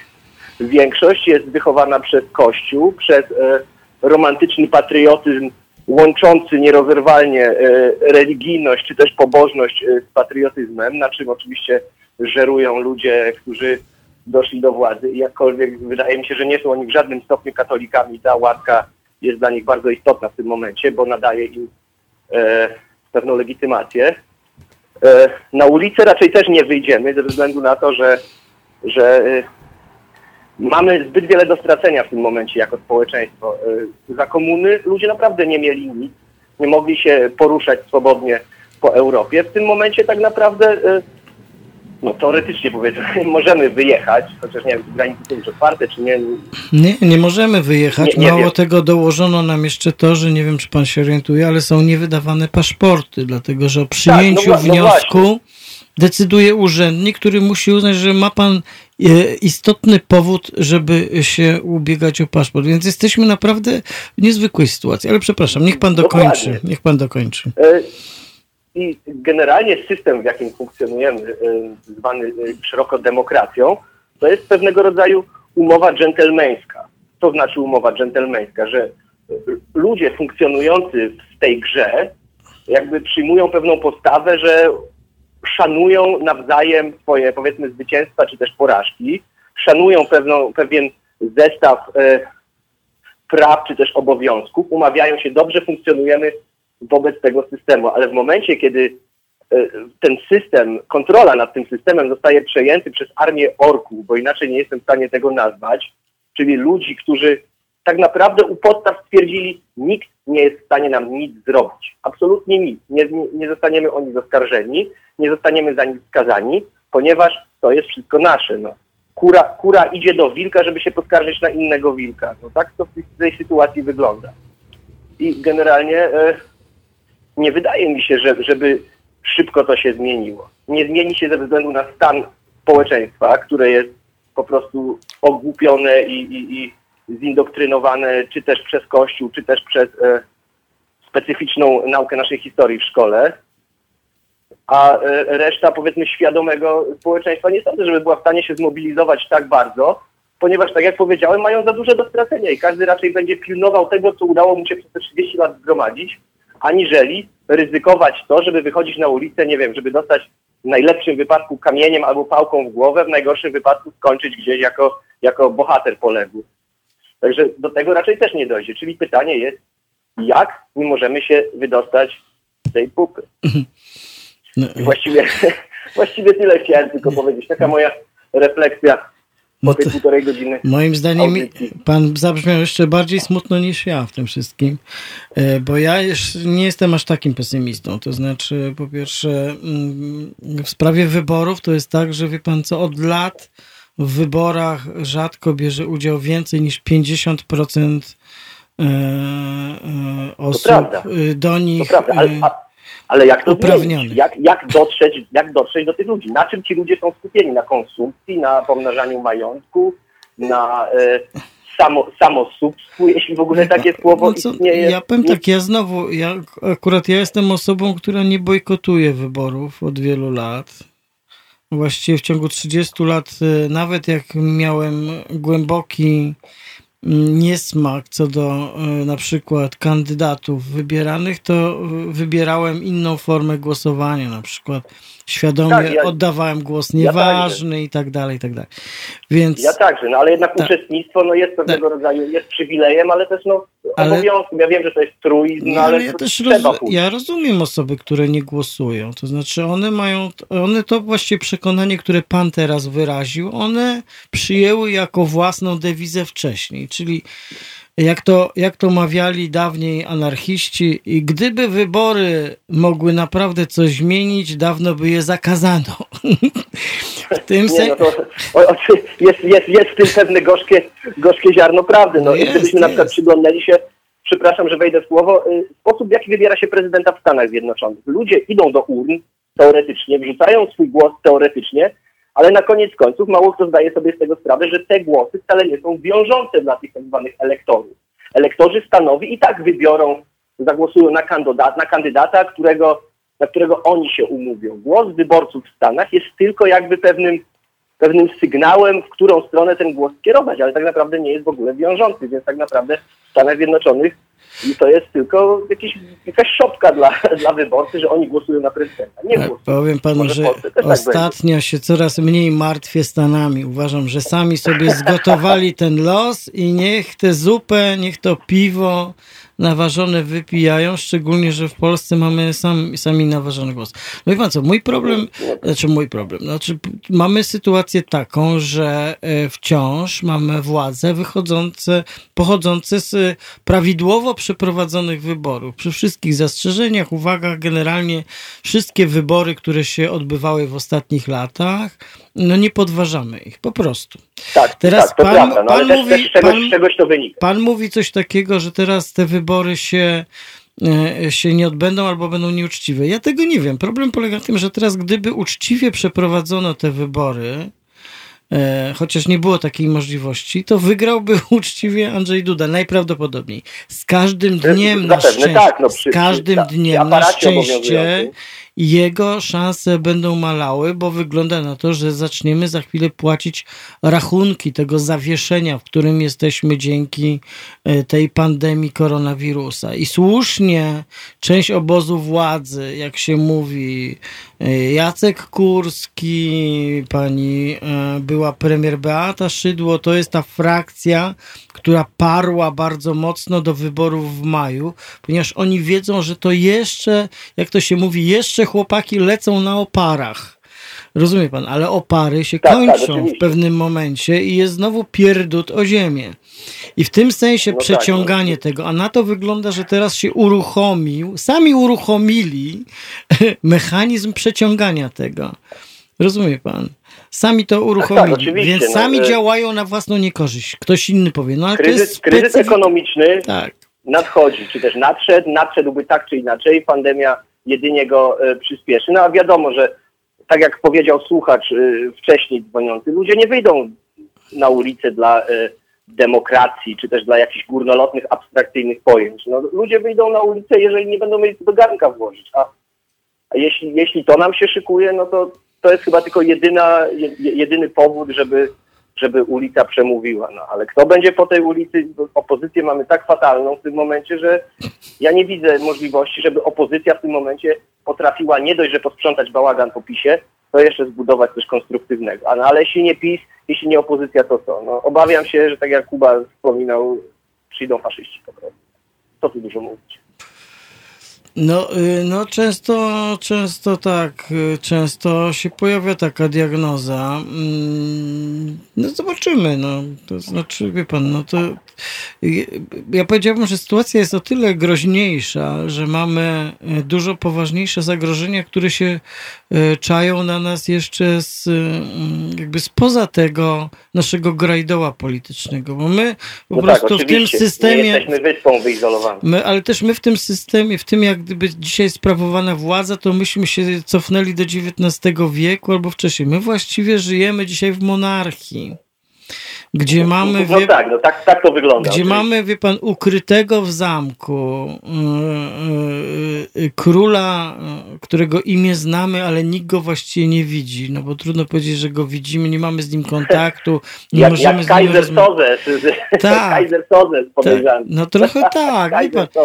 I, e, I mamy, oglądamy, oglądamy dwór, który mu służy, dwór e, po prostu podległych mu ludzi, wśród których oczywiście pewnie się zdarzają jakieś próby podgryzania, ale wciąż jeszcze pozycja tego tajnego króla, w płaszczu, kapelutku, wie pan, przesuniętym, jest po prostu właściwie nie, nie do podważenia, tak. Jakoś daliśmy, e, ta demokracja, którą mieliśmy, która dzisiaj wydaje się jakimś po prostu odległym wspomnieniem dopuściła do tego, żeby ten człowiek e, e, miał możliwość przejęcia pra w prawowity sposób władzy, w tym wypadku władzy zupełnie nieformalnej. Ja przypomnę, wie pan, ja sam pisałem y, po pierwszych latach PiSu 2005-2007, y, sam pisałem teksty, w których y, w których jasno, i to nie ja, jeden, dziesiątki osób to mówiły głośno, że jeśli tego się nie zamknie, nie rozliczy, nie podsumuje, i to nie chodziło o wyroki i o decyzje, wie pan, takie nieodwołalne, e, e, na przykład Trybunału Stanu, to, to po prostu musi wrócić bardzo silniejszym odbiciem. Po prostu są takie prawdy oczywiste i proste. No, tak, I to tak, były decyzje generalnie... polityczne tamtego świata, czyli Platformy, tylko skończę zdanie, żeby, e, żeby po prostu się nie rozliczać. Mówią, my ich nie rozliczymy, to oni nas nie rozliczą, a tak jak uruchomimy tę maszynę tych rozliczeń, to nie wiadomo co będzie. No i mamy to, co dzisiaj cytowałem, nie wiem czy pan słyszał, jak Niemcy w 1968 roku pod pozorem zmiany ustawy o prawie drogowym tak, tak. po prostu wprowadzili amnestię dla wszystkich zbrodniarzy e, hitlerowskiego systemu. No po prostu. I, i my dzisiaj mamy do czynienia dokładnie z takimi metodami, z takim prawem i nie mamy zbrodni. To się wszystko odbywa, odbywa po prostu w, może nie w białych rękawiczkach, ale w rękawiczkach lateksowych. Po prostu jesteśmy kompletnie bezradni. Ten system został rozmontowany, bo my nie tyle mamy umowę dżentelmeńską, nie wiem, czy to pan użył tego określenia. My mamy tak, tak umowę ja społeczną. Ja akurat nie lubię pojęcia dżentelmen, nie mam dla niego wielkiego szacunku i, i, i też dżentelmenów tu nie widzę, więc ja myślę, że mamy umowę, no, otóż, otóż to, umowę społeczną. potrzeba dżentelmenów. No, tam wie pan, ci dżentelmeni to też, to oni byli dżentelmeni dla siebie samych, a dla innych nie bardzo już, więc ja wolę pojęcie umowy to, to społecznej. Jak, więc, tak, no, mówiąc, mówiąc tak. dżentelmen, miałem na myśli jakieś powiedzmy pozytywne przymioty e, męża stanu, który mm. gdzieś tam działa powiedzmy dla idei, no ale czy kiedykolwiek ktokolwiek działa dla idei, idea jest dla nas, dla plecy, żebyśmy mieli w to wierzyć, a reszta to jest po prostu rozgrywka polityczna. No i niestety, jak, jak ktoś y, u podstaw aksjologicznych swojej władzy zakłada, że nie liczymy się z nikim, przejmujemy wszystko i, i rządzimy i dzielimy jak dyktatura, no to niestety nie da się normalnymi zasadami y, wygrać z kimś, kto te zasady łamie. Nie dość, że je ustala, to je także łamie, kiedy mu pasuje, kiedy pasuje ustala kolejne zasady w trakcie rozgrywki, więc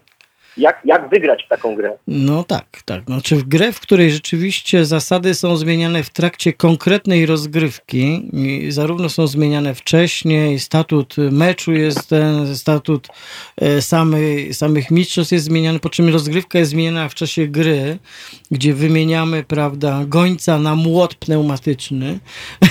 są, są trudne, są trudne do, są trudne do, ale ciągle wszyscy próbują. Nie wiem, czy pan widzi na przykład mamy teraz próbę mm, sił bardzo ważną w Sądzie Najwyższym. E, no i ci sędziowie Sądu Najwyższego, którzy mają sporo do stracenia, prawdę mówiąc, tak mi się wydaje no, kariery swoje, powiedzmy. No wie pan, co tam, kariery to kariery. On to, bycie sędzią Sądu Najwyższego to jest zwieńczenie kariery w tym zawodzie. Więc nie kariery, bo oni już tą karierę mają na najwyższym poziomie, ale mają dużo no, do tak stracenia, bo na przykład y, mogą zostać pozbawieni uposażeń, emerytury. Nie wiem, tak naprawdę wydaje mi się, że to jest grupa, ostatnia grupa, od której można by jeszcze kilka lat temu oczekiwać, że to będzie grupa protestu i buntu, a właściwie dzisiaj na nich mm, bardzo dużo wisi. Walczą. Walczą. E, ten e, sędzia Zaradkiewicz, Karol Zaradkiewicz, który tam sędzia lub nie sędzia, bo tu też trwa bardzo ciekawy spór, czy to w ogóle jest sędzia, tak? E, e, e, no, no próbuje... podły człowiek, no, no umówmy nie się. Nie wiem, wie pan, ja to nie w tych kategoriach. No on działa w politycznym interesie formacji, którą wsparł. No, Czy robi z jakiegoś, to... z jakiegoś powodu został wybrany na, to, na, to, na tą pozycję. Obserwując no od tak. lat, można no założyć nie, śmiało, on, że pewne on... cechy negatywne predestynują tych ludzi do bycia wsadzanych w pewne miejsce, ponieważ gwarantuje to pewien sposób zarządzania. No, ten, ten facet jako mober, powiedzmy potwierdzony, jest idealnym narzędziem w rękach PiSu, żeby zastraszyć. Nie każdy jest bohaterem, no umówmy się. Tak jest, nie każdy jest bohaterem. No dobra, to co? To może, może zostawmy też słuchaczy, żeby wybrzmiało. Dobra, pewnie, to... bo pogadaliśmy 15 posmęciliśmy, minut. Posmęciliśmy nieźle, dobiliśmy już chyba słuchaczy do końca. No ale taka dzisiaj jest rola poniedziałkowego, poniewyborczego poniedziałku trochę. Y, nie jest wesoło i nie będziemy udawać, że jest wesoło. Śmiszkowanie... Nie ma co udawać, trzeba, trzeba no spojrzeć prawdzie w oczy. No. Trzeba tak. Starte, stare, nudne powiedzenie. No trochę jest tak, że trzeba zawalczyć. Wie pan, my dzisiaj lekceważymy prawa, e, o które ludzie walczyli e, oddając swoją wolność, krew albo życie. Mamy je w dupie, prawdę mówiąc. Na przykład e, prawa pracownicze. Ludzie o to, to 100, 150 lat temu walczyli po prostu odnosząc rany, idąc na dekady do więzienia albo ginąc myśmy uznali, że ta walka była o nic, no to właściwie to dostaniemy w dupę, jak dojrzejemy do tego, że należy zawalczyć o nasze własne prawa. Czy one są, ja akurat uważam, że prawa dotyczące wolności są skorelowane z prawami do tego, że będziemy dostatnio i godnie mogli żyć. Jak ktoś uważa, że to są jak dwie odrębne rzeczy, no to moim zdaniem nie ma racji. E, I tyle. Że nikt, nikt na świat się nie prosi. nie jesteśmy na tym świecie z własnej woli, więc pewne podstawowe prawa, tak jak Pan mówi, oczywiście no, powinny być zagwarantowane, jeżeli tylko jesteśmy w jakichś światłych okolicznościach e, państwowych. No, ludzi, ludzie, których wybieramy, powiedzmy, są naszą reprezentacją. Kto nas teraz reprezentuje? No co to jest w ogóle za, za reprezentacja? Czy my rzeczywiście tacy jesteśmy? Czy to jest, czy to są, tacy są Polacy? Tak, Polacy, Polacy tacy są. tacy są Polacy. Szkoda. Tą, tą, tą frazą po prostu zakończymy naszą rozmowę. Dziękuję bardzo. Dziękuję za, panie za Romku. Miłego dnia życzę. Wzajemnie życzę mimo wszystko e, dobrego dnia, bo ten dzień akurat może być zupełnie niezły. Jest wiaterek, może jest być, słoneczny. niech będzie. Niech będzie. Jest w końcu maj. Jest w końcu maj, nie zapominajmy. To prawda. Okej. Okay. Życzę prawda. miłego dnia. Dzięki serdecznie. Dzięki, kłaniam pa. się. A Paweł nam tutaj jakąś muzykę podrzuci teraz, po tych 22 minutach rozmowy. Laila Ryka Claptona. No, dobrze. Clapton, świetnie. Tyle średnio nas Państwo prawie słuchacie, znaczy słuchacie nas dłużej, więc w dobrym momencie robimy muzyczną przerwę. Eric Clapton. Halo Radio. Pierwsze radio z wizją. Halo Radio, poniedziałkowy poranek 11 maja 2020 roku. Roman Kurkiewicz, witam Państwa w naszej trzeciej, ostatniej godzinie porankowego spotkania. Minęła godzina dziewiąta. Dzwonicie dzisiaj Państwo, jakbyście zupełnie byli po niewyborach. Może dlatego, że jesteście. Zobaczcie, jaka energia się uwolniła. Tylko nie udało nam się wybrać prezydenta, tego samego najprawdopodobniej, bo głosując na innych też byśmy go wybrali. Na tym polega ten fenomen, ten po prostu ta pułapka demokracji, że my głosując na kogoś innego, albo oddając głos nieważny, albo bojkotując wybory, de facto wybieramy tego, kto zostanie wybrany. Także to jest, to prawie tak fatalna sytuacja jak z debatą oksfordzką. Nie wiem, czy Państwo czy Państwo um, wiedzą, ale w debacie oksfordzkiej to jest taka retoryczna zabawa. Są dwie drużyny, jest jedna teza i można być, można być albo zwolennikiem tezy, albo przeciwnikiem tezy i w takiej e, w takim pakiecie wypowiedzi albo bronimy tezy, albo zwalczamy tezę. E, ale ponieważ to jest właściwie rodzaj e, zabawy retorycznej, właściwie pewnej dyscypliny sportowej, takiej intelektualnej dyscypliny sportowej, to jest tak, że e, czasami drużyny albo członkowie tych drużyn są zmuszeni do argumentowania, chociaż wcale nie podzielają racji, z którą walczą albo którą wspierają. Czyli, że na przykład uważając, że nie wiem, Andrzej, teza jest taka, Andrzej Duda jest najlepszym prezydentem w historii tysiąclecia państwa polskiego, prawda? To jest taka teza. No i teraz można się z nią zgadzać lub nie. I w debacie oksfordzkiej paradoksem jest to, że na przykład zgadzając się z tą tezą, na, znaleźliśmy się w zespole, który musi ją zwalczać. Bardzo ciekawe ćwiczenie, bardzo ciekawe ćwiczenie. I my też trochę jesteśmy w takiej sytuacji. Tutaj, mm, tutaj y, mamy taki wpis y, pana Janusza, którego nie rozumiem, prawdę mówiąc. Mm, czy nie wiem, czego pan się nasłuchał przez 30 lat i że pan nie wierzy. Nie, nie mam pojęcia właściwie, o czym pan pisze. To jest na naszym czacie YouTube'owym.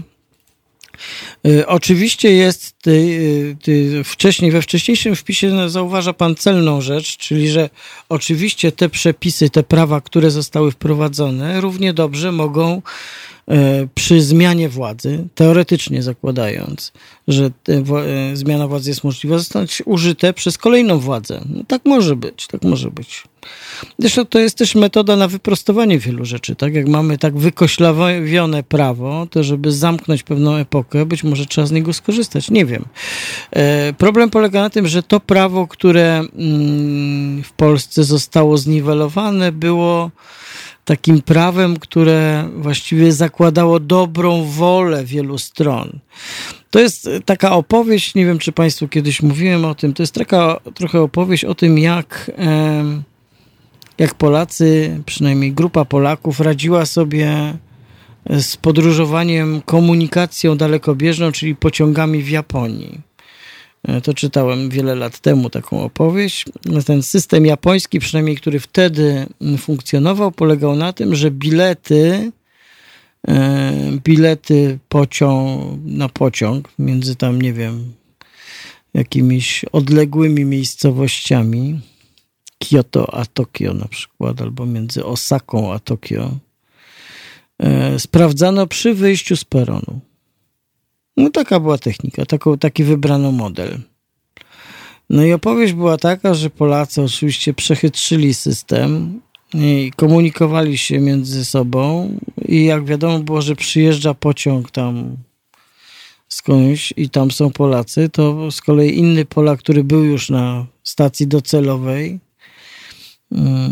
kupował peronówki, wchodził na peron i tym wysiadającym rozdawał te peronówki, no i oni wychodzili jako na peronówki.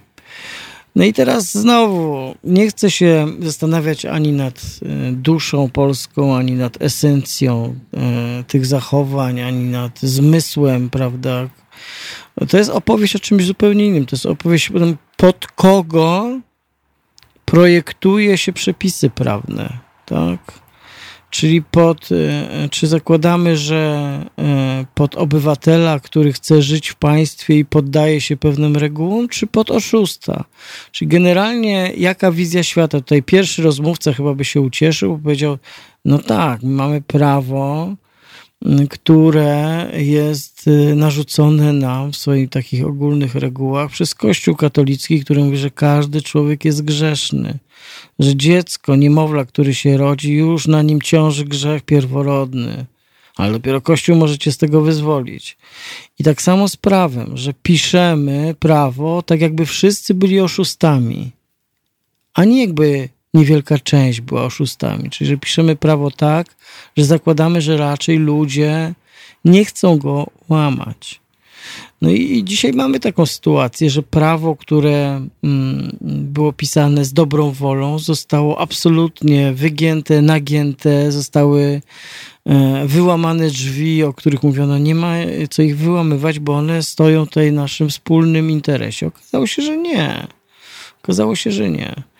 To zresztą PiS e, e, według pomysłu Jarosława Kaczyńskiego zrobił według przemyślanego scenariusza, czyli przejął najpierw prokuraturę, potem ubezwłasnowolnił a Trybunał Konstytucyjny, nie publikując jego wyroku. Właściwie wtedy było wszystko wiadomo. To było, to było, to były działania, które miały nas dokładnie doprowadzić do momentu, w którym jesteśmy. Do momentu, w którym nie mamy wolnych wyborów, do momentu, w którym nie możemy podróżować za granicę, do momentu, w którym możemy nie dostać dokumentu uprawniającego nas do takiej podróży, do momentu, w którym policja właściwie z byle powodu może nas zatrzymać, ukarać i tak dalej, i tak dalej, wykorzystując do tego pandemię koronawirusa. Więc yy, wszystko to było zawarte w tych pierwszych elementach. Wszystko to zostało skutecznie przeprowadzone. Najśmieszniejsze jest to, że, e, że ta władza, łamiąc fundamentalne reguły konstytucji i samą konstytucję, równocześnie ma gębę pełną tej konstytucji i równocześnie ciągle próbuje coś sztukować. No tak się nasztukowała tych przepisów o wyborach, że do nich nie doszło. I teraz mało pocieszające jest to, że władza zakiwała się sama. No zakiwała się. No i co z tego? No sytuacja jest taka, że nie mamy tych wyborów, nie odbyły się. Po raz pierwszy od kilkudziesięciu lat nie odbyły się w Polsce wybory. To jednak jest w jakimś sensie wstrząsające. I co? No i nic. Dzień jak co dzień. Ludzie jadą do roboty, tramwaje się zatrzymują, wiatr wieje, straż pożarna pracuje. No? Wyjść na ulicę nie możemy, bo to jest zakazane dla naszego dobra przecież, prawda? Albo możemy wyjść w maseczkach z Orlenu i KGHM-u, które się okazały są od oficera WSI. Sytuacja, w której oficer WSI, największy, święty wróg tej formacji politycznej, sprowadza Antonowem, czyli radziecko-ukraińskim samolotem transportowym, e, maseczki, które są właściwie nieprzydatne za grube pieniądze, to jest po prostu jakaś po prostu obłędna historia. Nie uważacie Państwo? Dlaczego ja nie byłem oficerem WSI? Kurczę. No teraz ja zadaję to pytanie. Ach. Piękne. Naprawdę żyjemy w pięknej, pięknej rzeczywistości. Niesamowitej. A może nam te wolności nie są potrzebne. No. I już. Może nam nie są potrzebne. Zagrajmy, bo po prostu się właściwie zdenerwowałem, a w ogóle jeszcze czeka mnie fundamentalna opowieść, bo przygotowałem dla Państwa w ogóle propozycję yy, właściwie w swojej wymowie jeszcze, jeszcze bardziej groźną i, i zniechęcającą, ale po prostu wreszcie E, od dawna przeczytałem tekst, który jest e, zapładniający, jest niezwykły, przenikliwy, bolesny, ale, ale, ale jego lektura jest, jest przygodą zupełnie niepowtarzalną. Ale to o tym opowiem za chwilę. Pawle, czego posłuchamy? Remember the Time, Michael Jackson.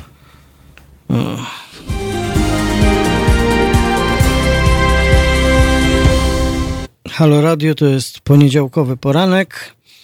Już 17 minut po godzinie 9 to jest nasza ostatnia godzina porankowego spotkania.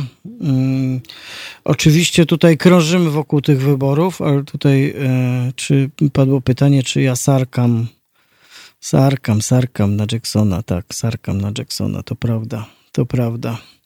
Nie wiem, czy się przebiło na antenę, czy po prostu po mojej mimice było widać sarkam, ale nie chcę wchodzić w ten wątek. No, na wszystko dzisiaj sarkam, oprócz, um, oprócz tekstu, zupełnie niesamowitego tekstu, e, który został opublikowany w magazynie świątecznym Gazety Wyborczej z datą 9 maja.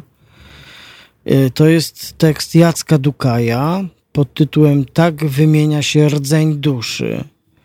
E, no i powiedziałbym, że to jest jedna z najciekawszych, świetnie też napisanych, najbardziej przenikliwych analiz związanych tak naprawdę z istotą e, tego, co się dzieje i też z takim rzutowaniem, taką projekcją tego, co w przyszłości, co to oznacza.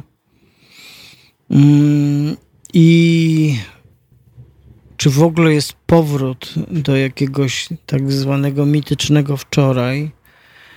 Właściwie z tego, co pisze Jacek Dukaj, to będzie tylko gorzej. E, bardzo to jest niezwykły tekst. Bardzo to jest niezwykły tekst. On pokazuje, właściwie mówi coś takiego, że, e, że pozornie nam się wydawało, że to pandemia nas tak przytłumia, wycisza, spowolnia, odsuwa e, od realnego życia. Natomiast Jacek Dukaj mówi, jest dokładnie na odwrót. Jest dokładnie na odwrót. To jest akceleracja, to jest przyspieszenie.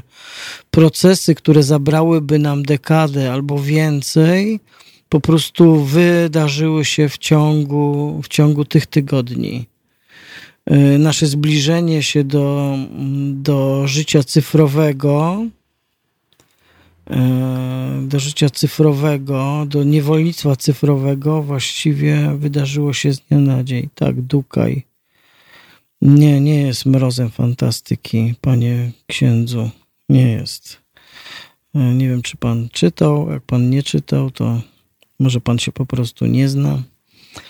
Także nie, zbyt, zbyt brawurowa i pełna dezynwoltury ocena, także przykro mi, ale ani się z panem nie zgadzam, ani panu tutaj już. Świetny tekst Jacka Dukaja. Teraz nie rozmawiamy o powieściach Jacka Dukaja, to jest inny temat, skądinąd też pasjonujący, ale rozmawiamy o eseju Jacka Dukaja, o wymianie rdzenia.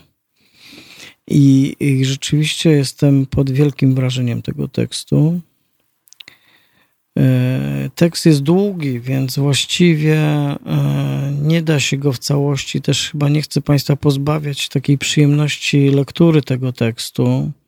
Nie wiem, czy on jest dostępny e, dla wszystkich, którzy po prostu wejdą w ten tekst, czy trzeba mieć do niego jakiś dostęp. Ja akurat mam, więc po prostu mogłem go przeczytać w całości. Natomiast jest to bardzo niezwykły, taki cywil, taka cywilizacyjna rozkminka tego, co się tak naprawdę dzieje, e, z czym się będziemy musieli pogodzić, e, co nas zaskoczy, bo, e, bo jakby ten koronawirus stał się takim takim no takim przyspieszaczem rzeczywiście, takim, taką substancją, e, że tak powiem, która pewne procesy e, absolutnie uaktywniła. E, niesamowity tekst, niesamowity. E, to generalnie jest e, coś, co nas odsuwa od innych ludzi, co sprawi, że będziemy, jak tutaj marudziliśmy, dlaczego ludzie nie wychodzą na ulicę, e, dlaczego to się nie udało, albo co można zrobić, to, mm, no to, to mówimy o takiej o takim rozdrobnieniu, o tym, że jesteśmy pozamykani we własnych światach, nawet niekoniecznie wybierając emigrację wewnętrzną, ale że jesteśmy zbiorem partykularyzmów, e, a nie wspólnotą.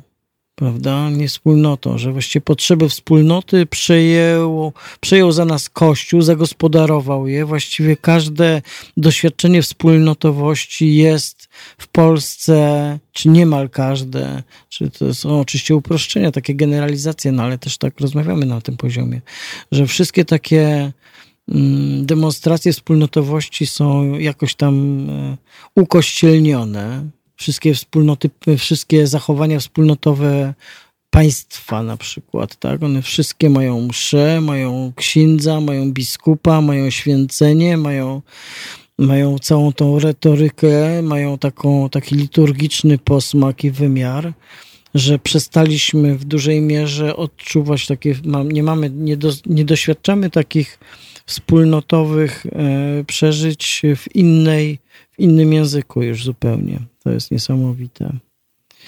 E, tak, a, a, a, to jest. E, uh, niewolnictwo cyfrowe, tak rzeczywiście takie pojęcie się tutaj też pojawia.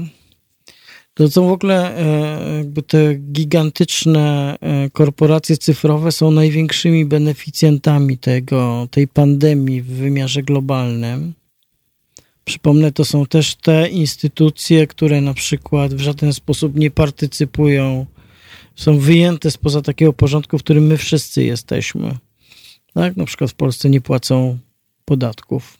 Przypomnijmy, że nawet jak ten rząd przygotował taki pomysł, Ministerstwo Finansów pracowało kilka lat, żeby opodatkować Google'a, Apple'a, Facebooka, którzy zarabiają tu gigantyczne pieniądze to e, pani ambasador amerykańska mm, tupnęła nóżką, tweetnęła, ćwierknęła i po projekcie. Do tego stopnia, że już potem mówi, jaki projekt, gdzie, jakie podatki. I co z tego, że tylko, e, że tylko lewica w Sejmie potrafi o tym głośno mówić, jak tego głosu też nie słychać.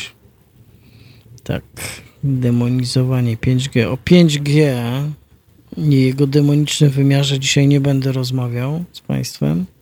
Zostawię ten wątek.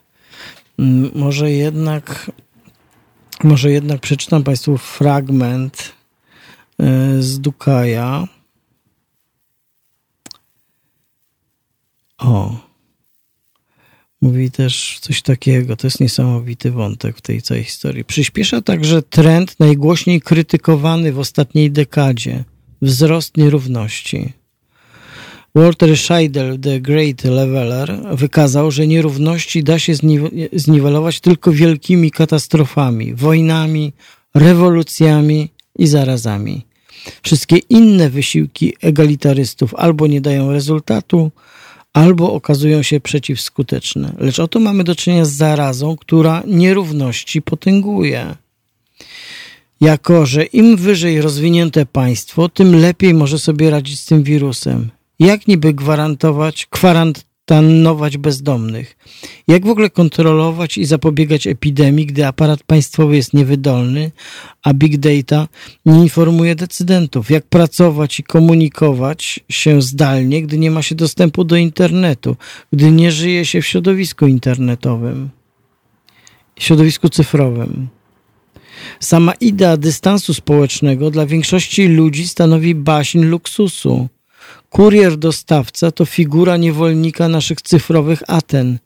Bezpiecznie odizolowani obywatele mogą sobie filozofować na Facebooku o demokracji, gdy obsługują ich niewidzialni niewolnicy. Rozwarstwienie przyspiesza i wewnątrz gospodarki. Przetrwają najwięksi. Im mniejszy biznes, tym bardziej cierpi. Raz – że nie ma poduszki finansowej. Dwa, że najczęściej już działał na granicy zyskowności. Trzy, że największych jakby co wyciągnie z długów za uszy rząd. Już wyciąga. Jak Boeinga czy wydobywców ropy łupkowej. No, taka jest natura tego wirusa, pisze dalej Dukaj. Umierają najstarsi, najmniej aktywni. A kto najbardziej cierpi od spowodowanych przezeń ograniczeń i zakazów? Młodzi aktywni. Tymczasem krzywa bogactwa jest odwrotna. Wśród bogaczy najwięcej właśnie starców. I decydenci to niemal bez wyjątku ludzie starzy, zarówno w państwach demokratycznych, jak i niedemokratycznych. Ich strachy, nadzieje, rachuby warunkowane są przez doświadczenia wieku. I to te doświadczenia stoją za odruchowymi reakcjami rządzących. Młodzi mają w głowach inne wagi wartości. W demokracjach Zachodu dysproporcja jest jeszcze większa, bo nie dość, że nasza demografia ugina się pod pokoleniami seniorów, to są oni najbardziej zdyscyplinowaną częścią elektoratu. Ich głos waży więc jeszcze więcej. Ano. Naprawdę, e, naprawdę niezwykły i warty lektury i rozmowy tekst. Przypomnę. Jacek Dukaj. E, tak wymienia się rdzeń duszy, opublikowany 9 maja 2020 roku w magazynie świątecznym, dodatku do Gazety Wyborczej. Dobra, to czas teraz już na piosenkę. Da piosenkę. A piosenka będzie jaka? I'd do anything for love, Meatloafa.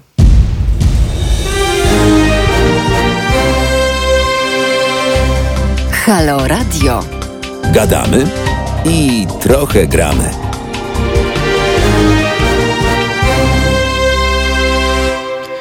To jest poniedziałkowy poranek w Halo Radio. Jest 11 maja 2020 roku. Roman Kurkiewicz. Jesteśmy z Państwem już w końcówce tego porannego spotkania.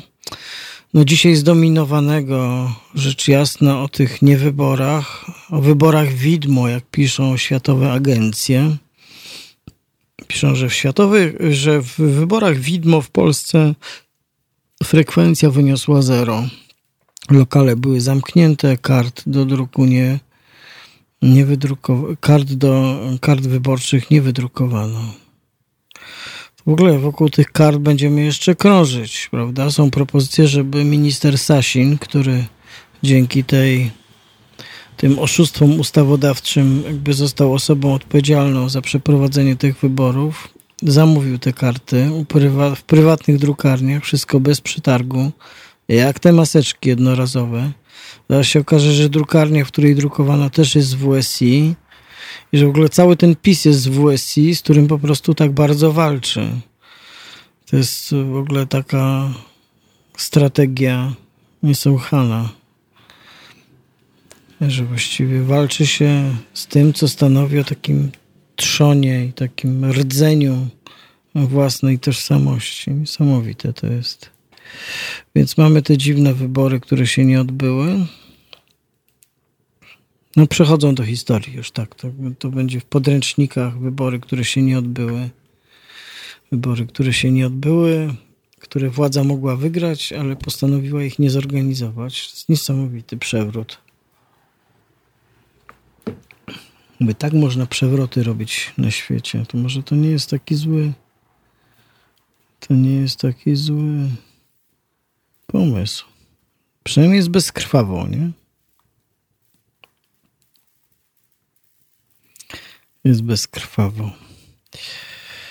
Yy, no nie wiem, czy jeszcze ktoś z Państwa będzie do nas dzwonił. Zapraszamy. Yy, oczywiście 22 390 59 22. Yy, tak.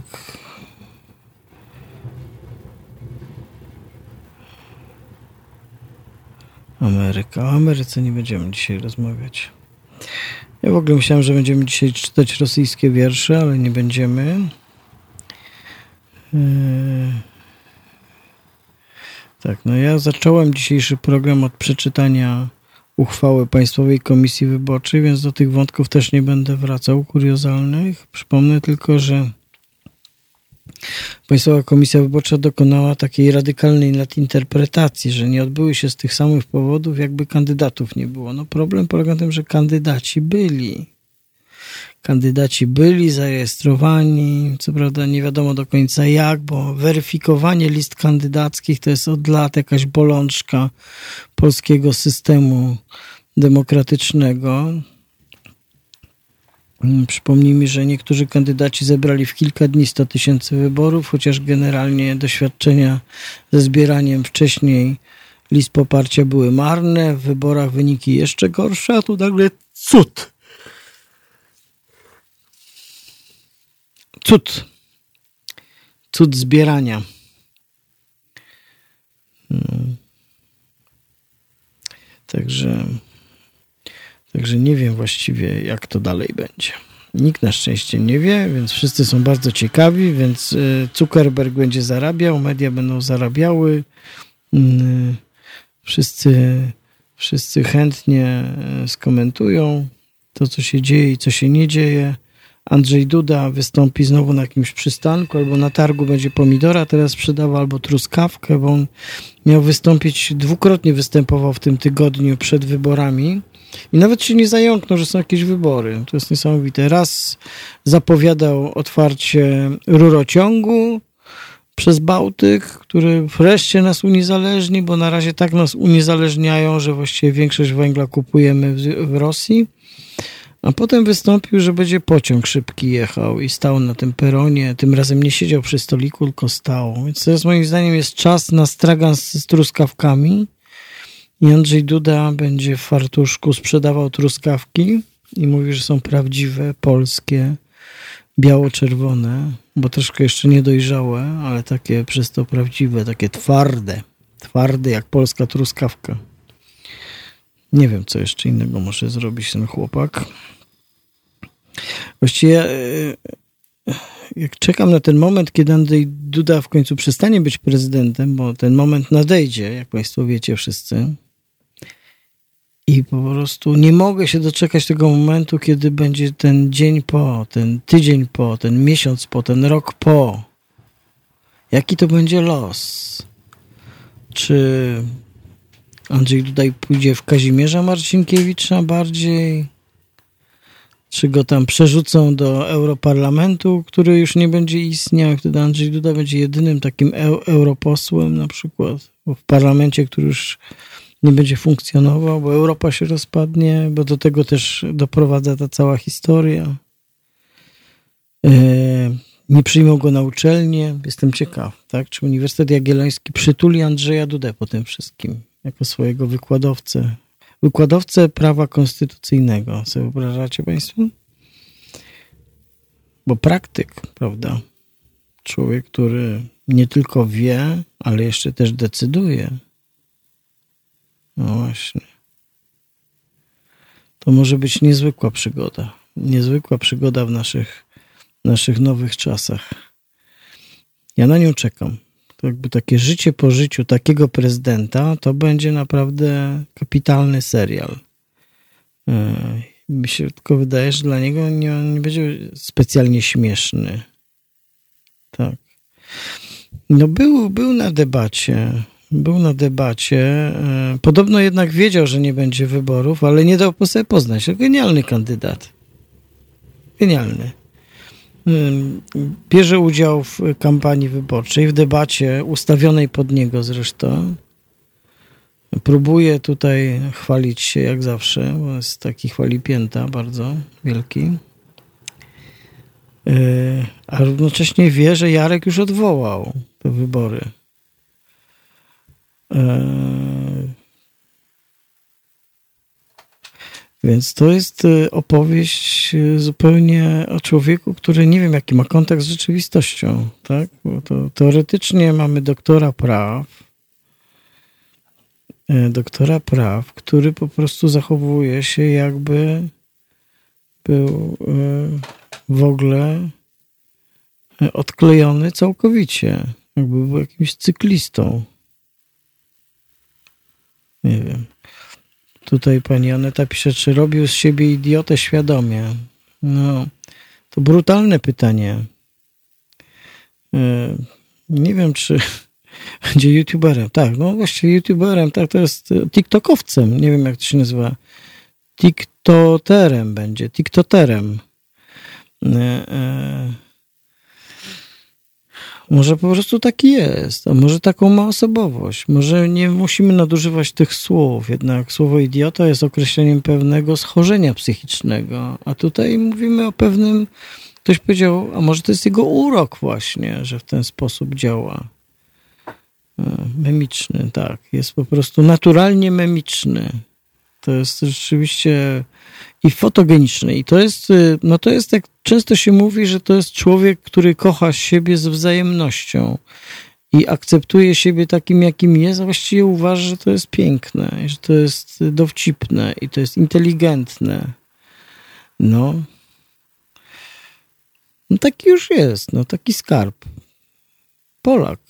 Andrzej tutaj jest prawdziwym Polakiem, wydaje mi się. To chyba Krzysztof Warga się ostatnio mm, natrząsał cokolwiek. Z Andrzeja Dudy pod pretekstem lektury książki, która była wywiadem z rodzicami Andrzeja Dudy, gdzie opowiadano o jego dzieciństwie i o tym, jak go e, rodzice wychowywali e, i jaki był, i jak się cieszył, jak dano mu zadanie, że będzie uprzątał patyki w lesie spod ich nóg, ze ścieżki, był wtedy szczęśliwy. I to trochę tak wygląda, właściwie całe to życie tak trochę wygląda, że on uprząta patyki, które leżą na swoim miejscu, jest tego dumny, jest przejęty, jest zapracowany, jest lekko zdyszany, lekko czerwony i po prostu chętnie o tym opowie. Chętnie Państwu łapę poda. E, no mamy taki fenomen. No może to jest taki czas po prostu. To jest taki czas. Chociaż są też wątki niepokojące w tej karierze. Tak. Ale nie będę się tym zajmował.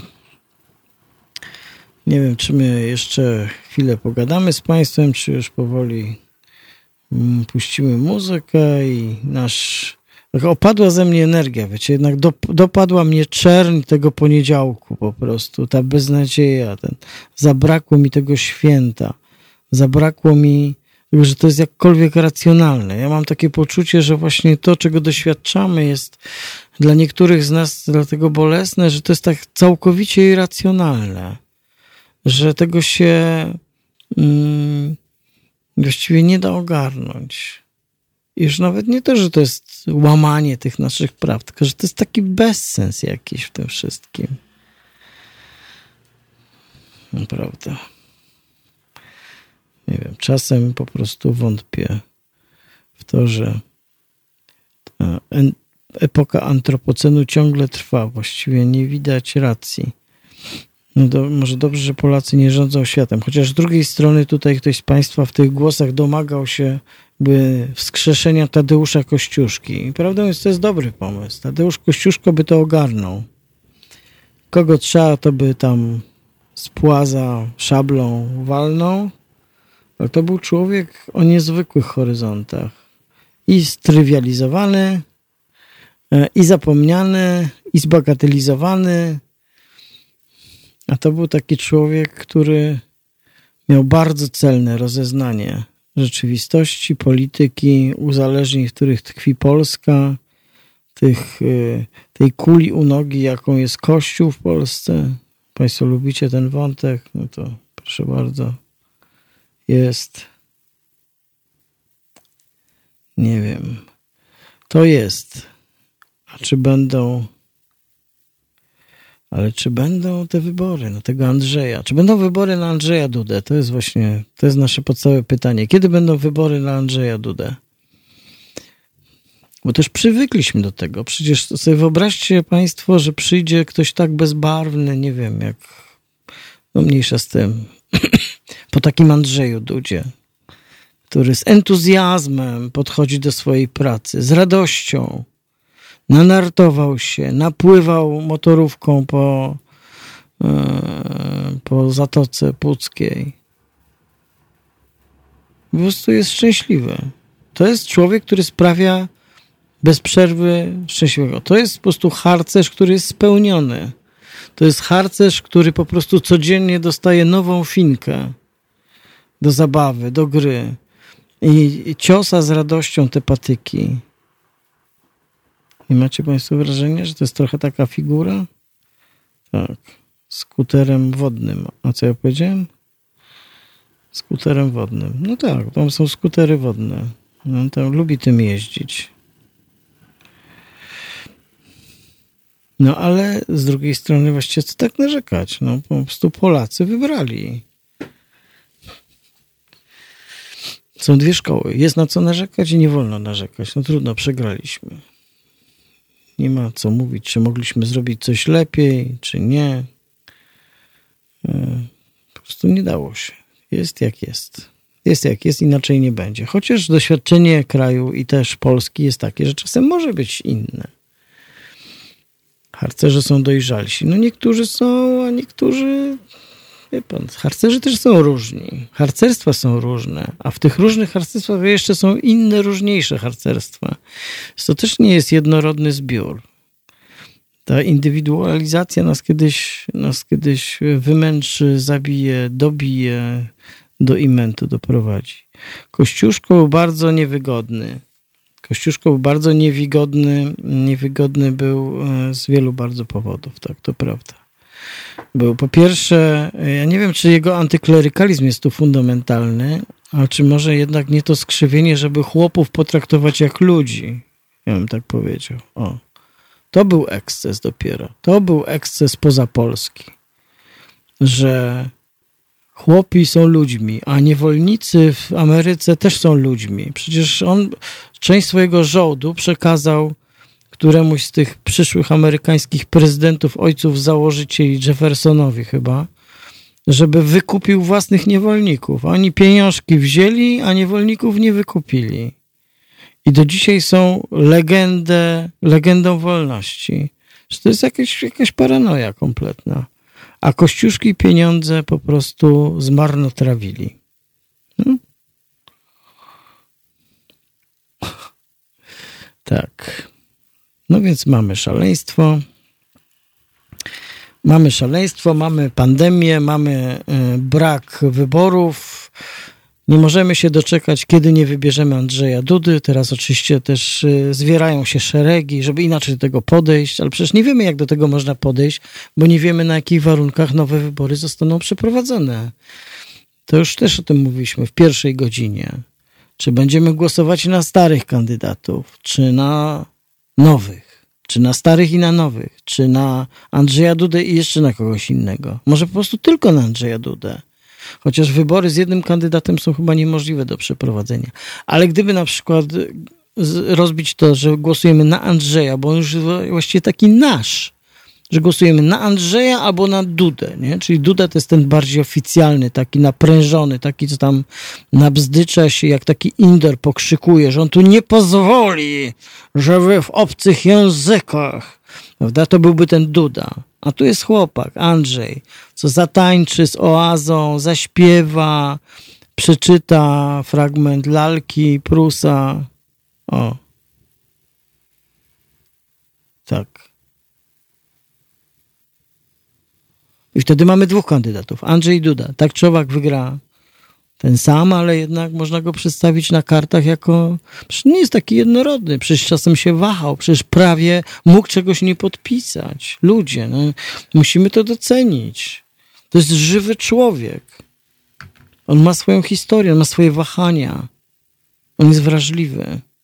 On dużo rozumie, a jeszcze więcej mówi. On Moim zdaniem najgorsze, co nas może spotkać po zakończeniu jego kadencji, że on jednak zostanie radiowcem.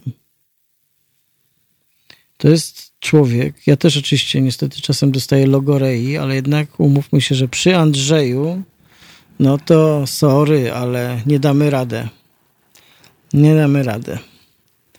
Andrzej po prostu, takie radio Andrzej po prostu. Co wyobrażacie? Radio Andrzej?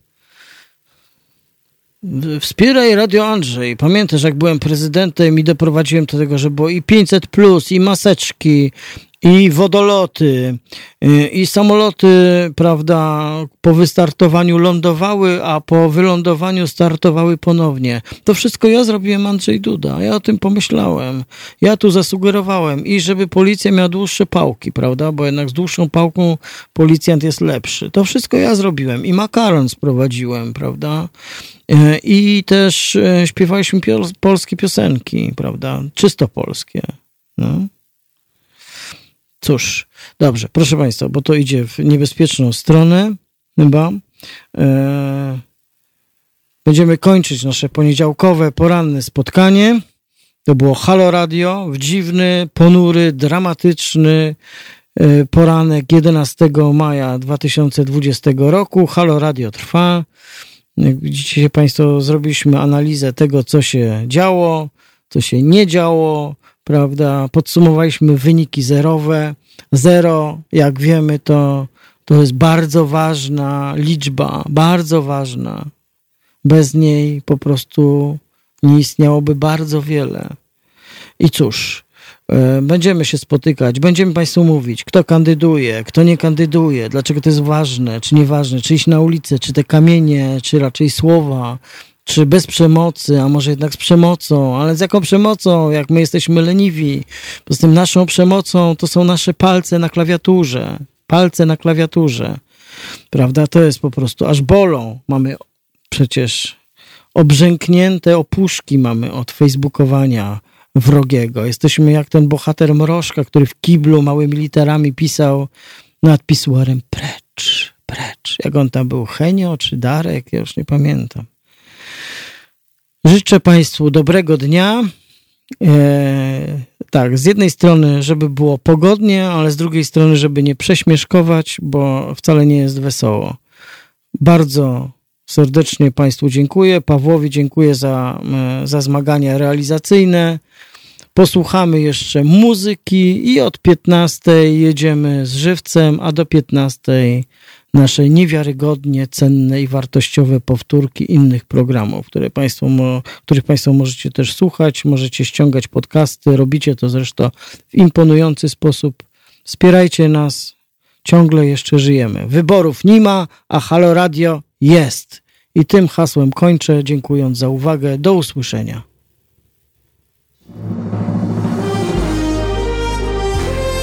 Halo.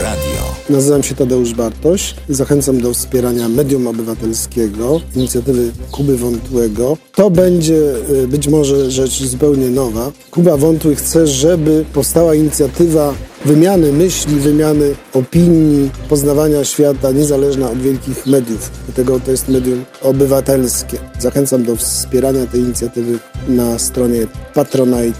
Tam wszystkie dane będą dostępne. Profesorze, a będzie pan e, w takim projekcie uczestniczył? Z chęcią wezmę udział w tym projekcie. Zobaczymy, jak się ułoży. www.halo.radio ukośnik SOS.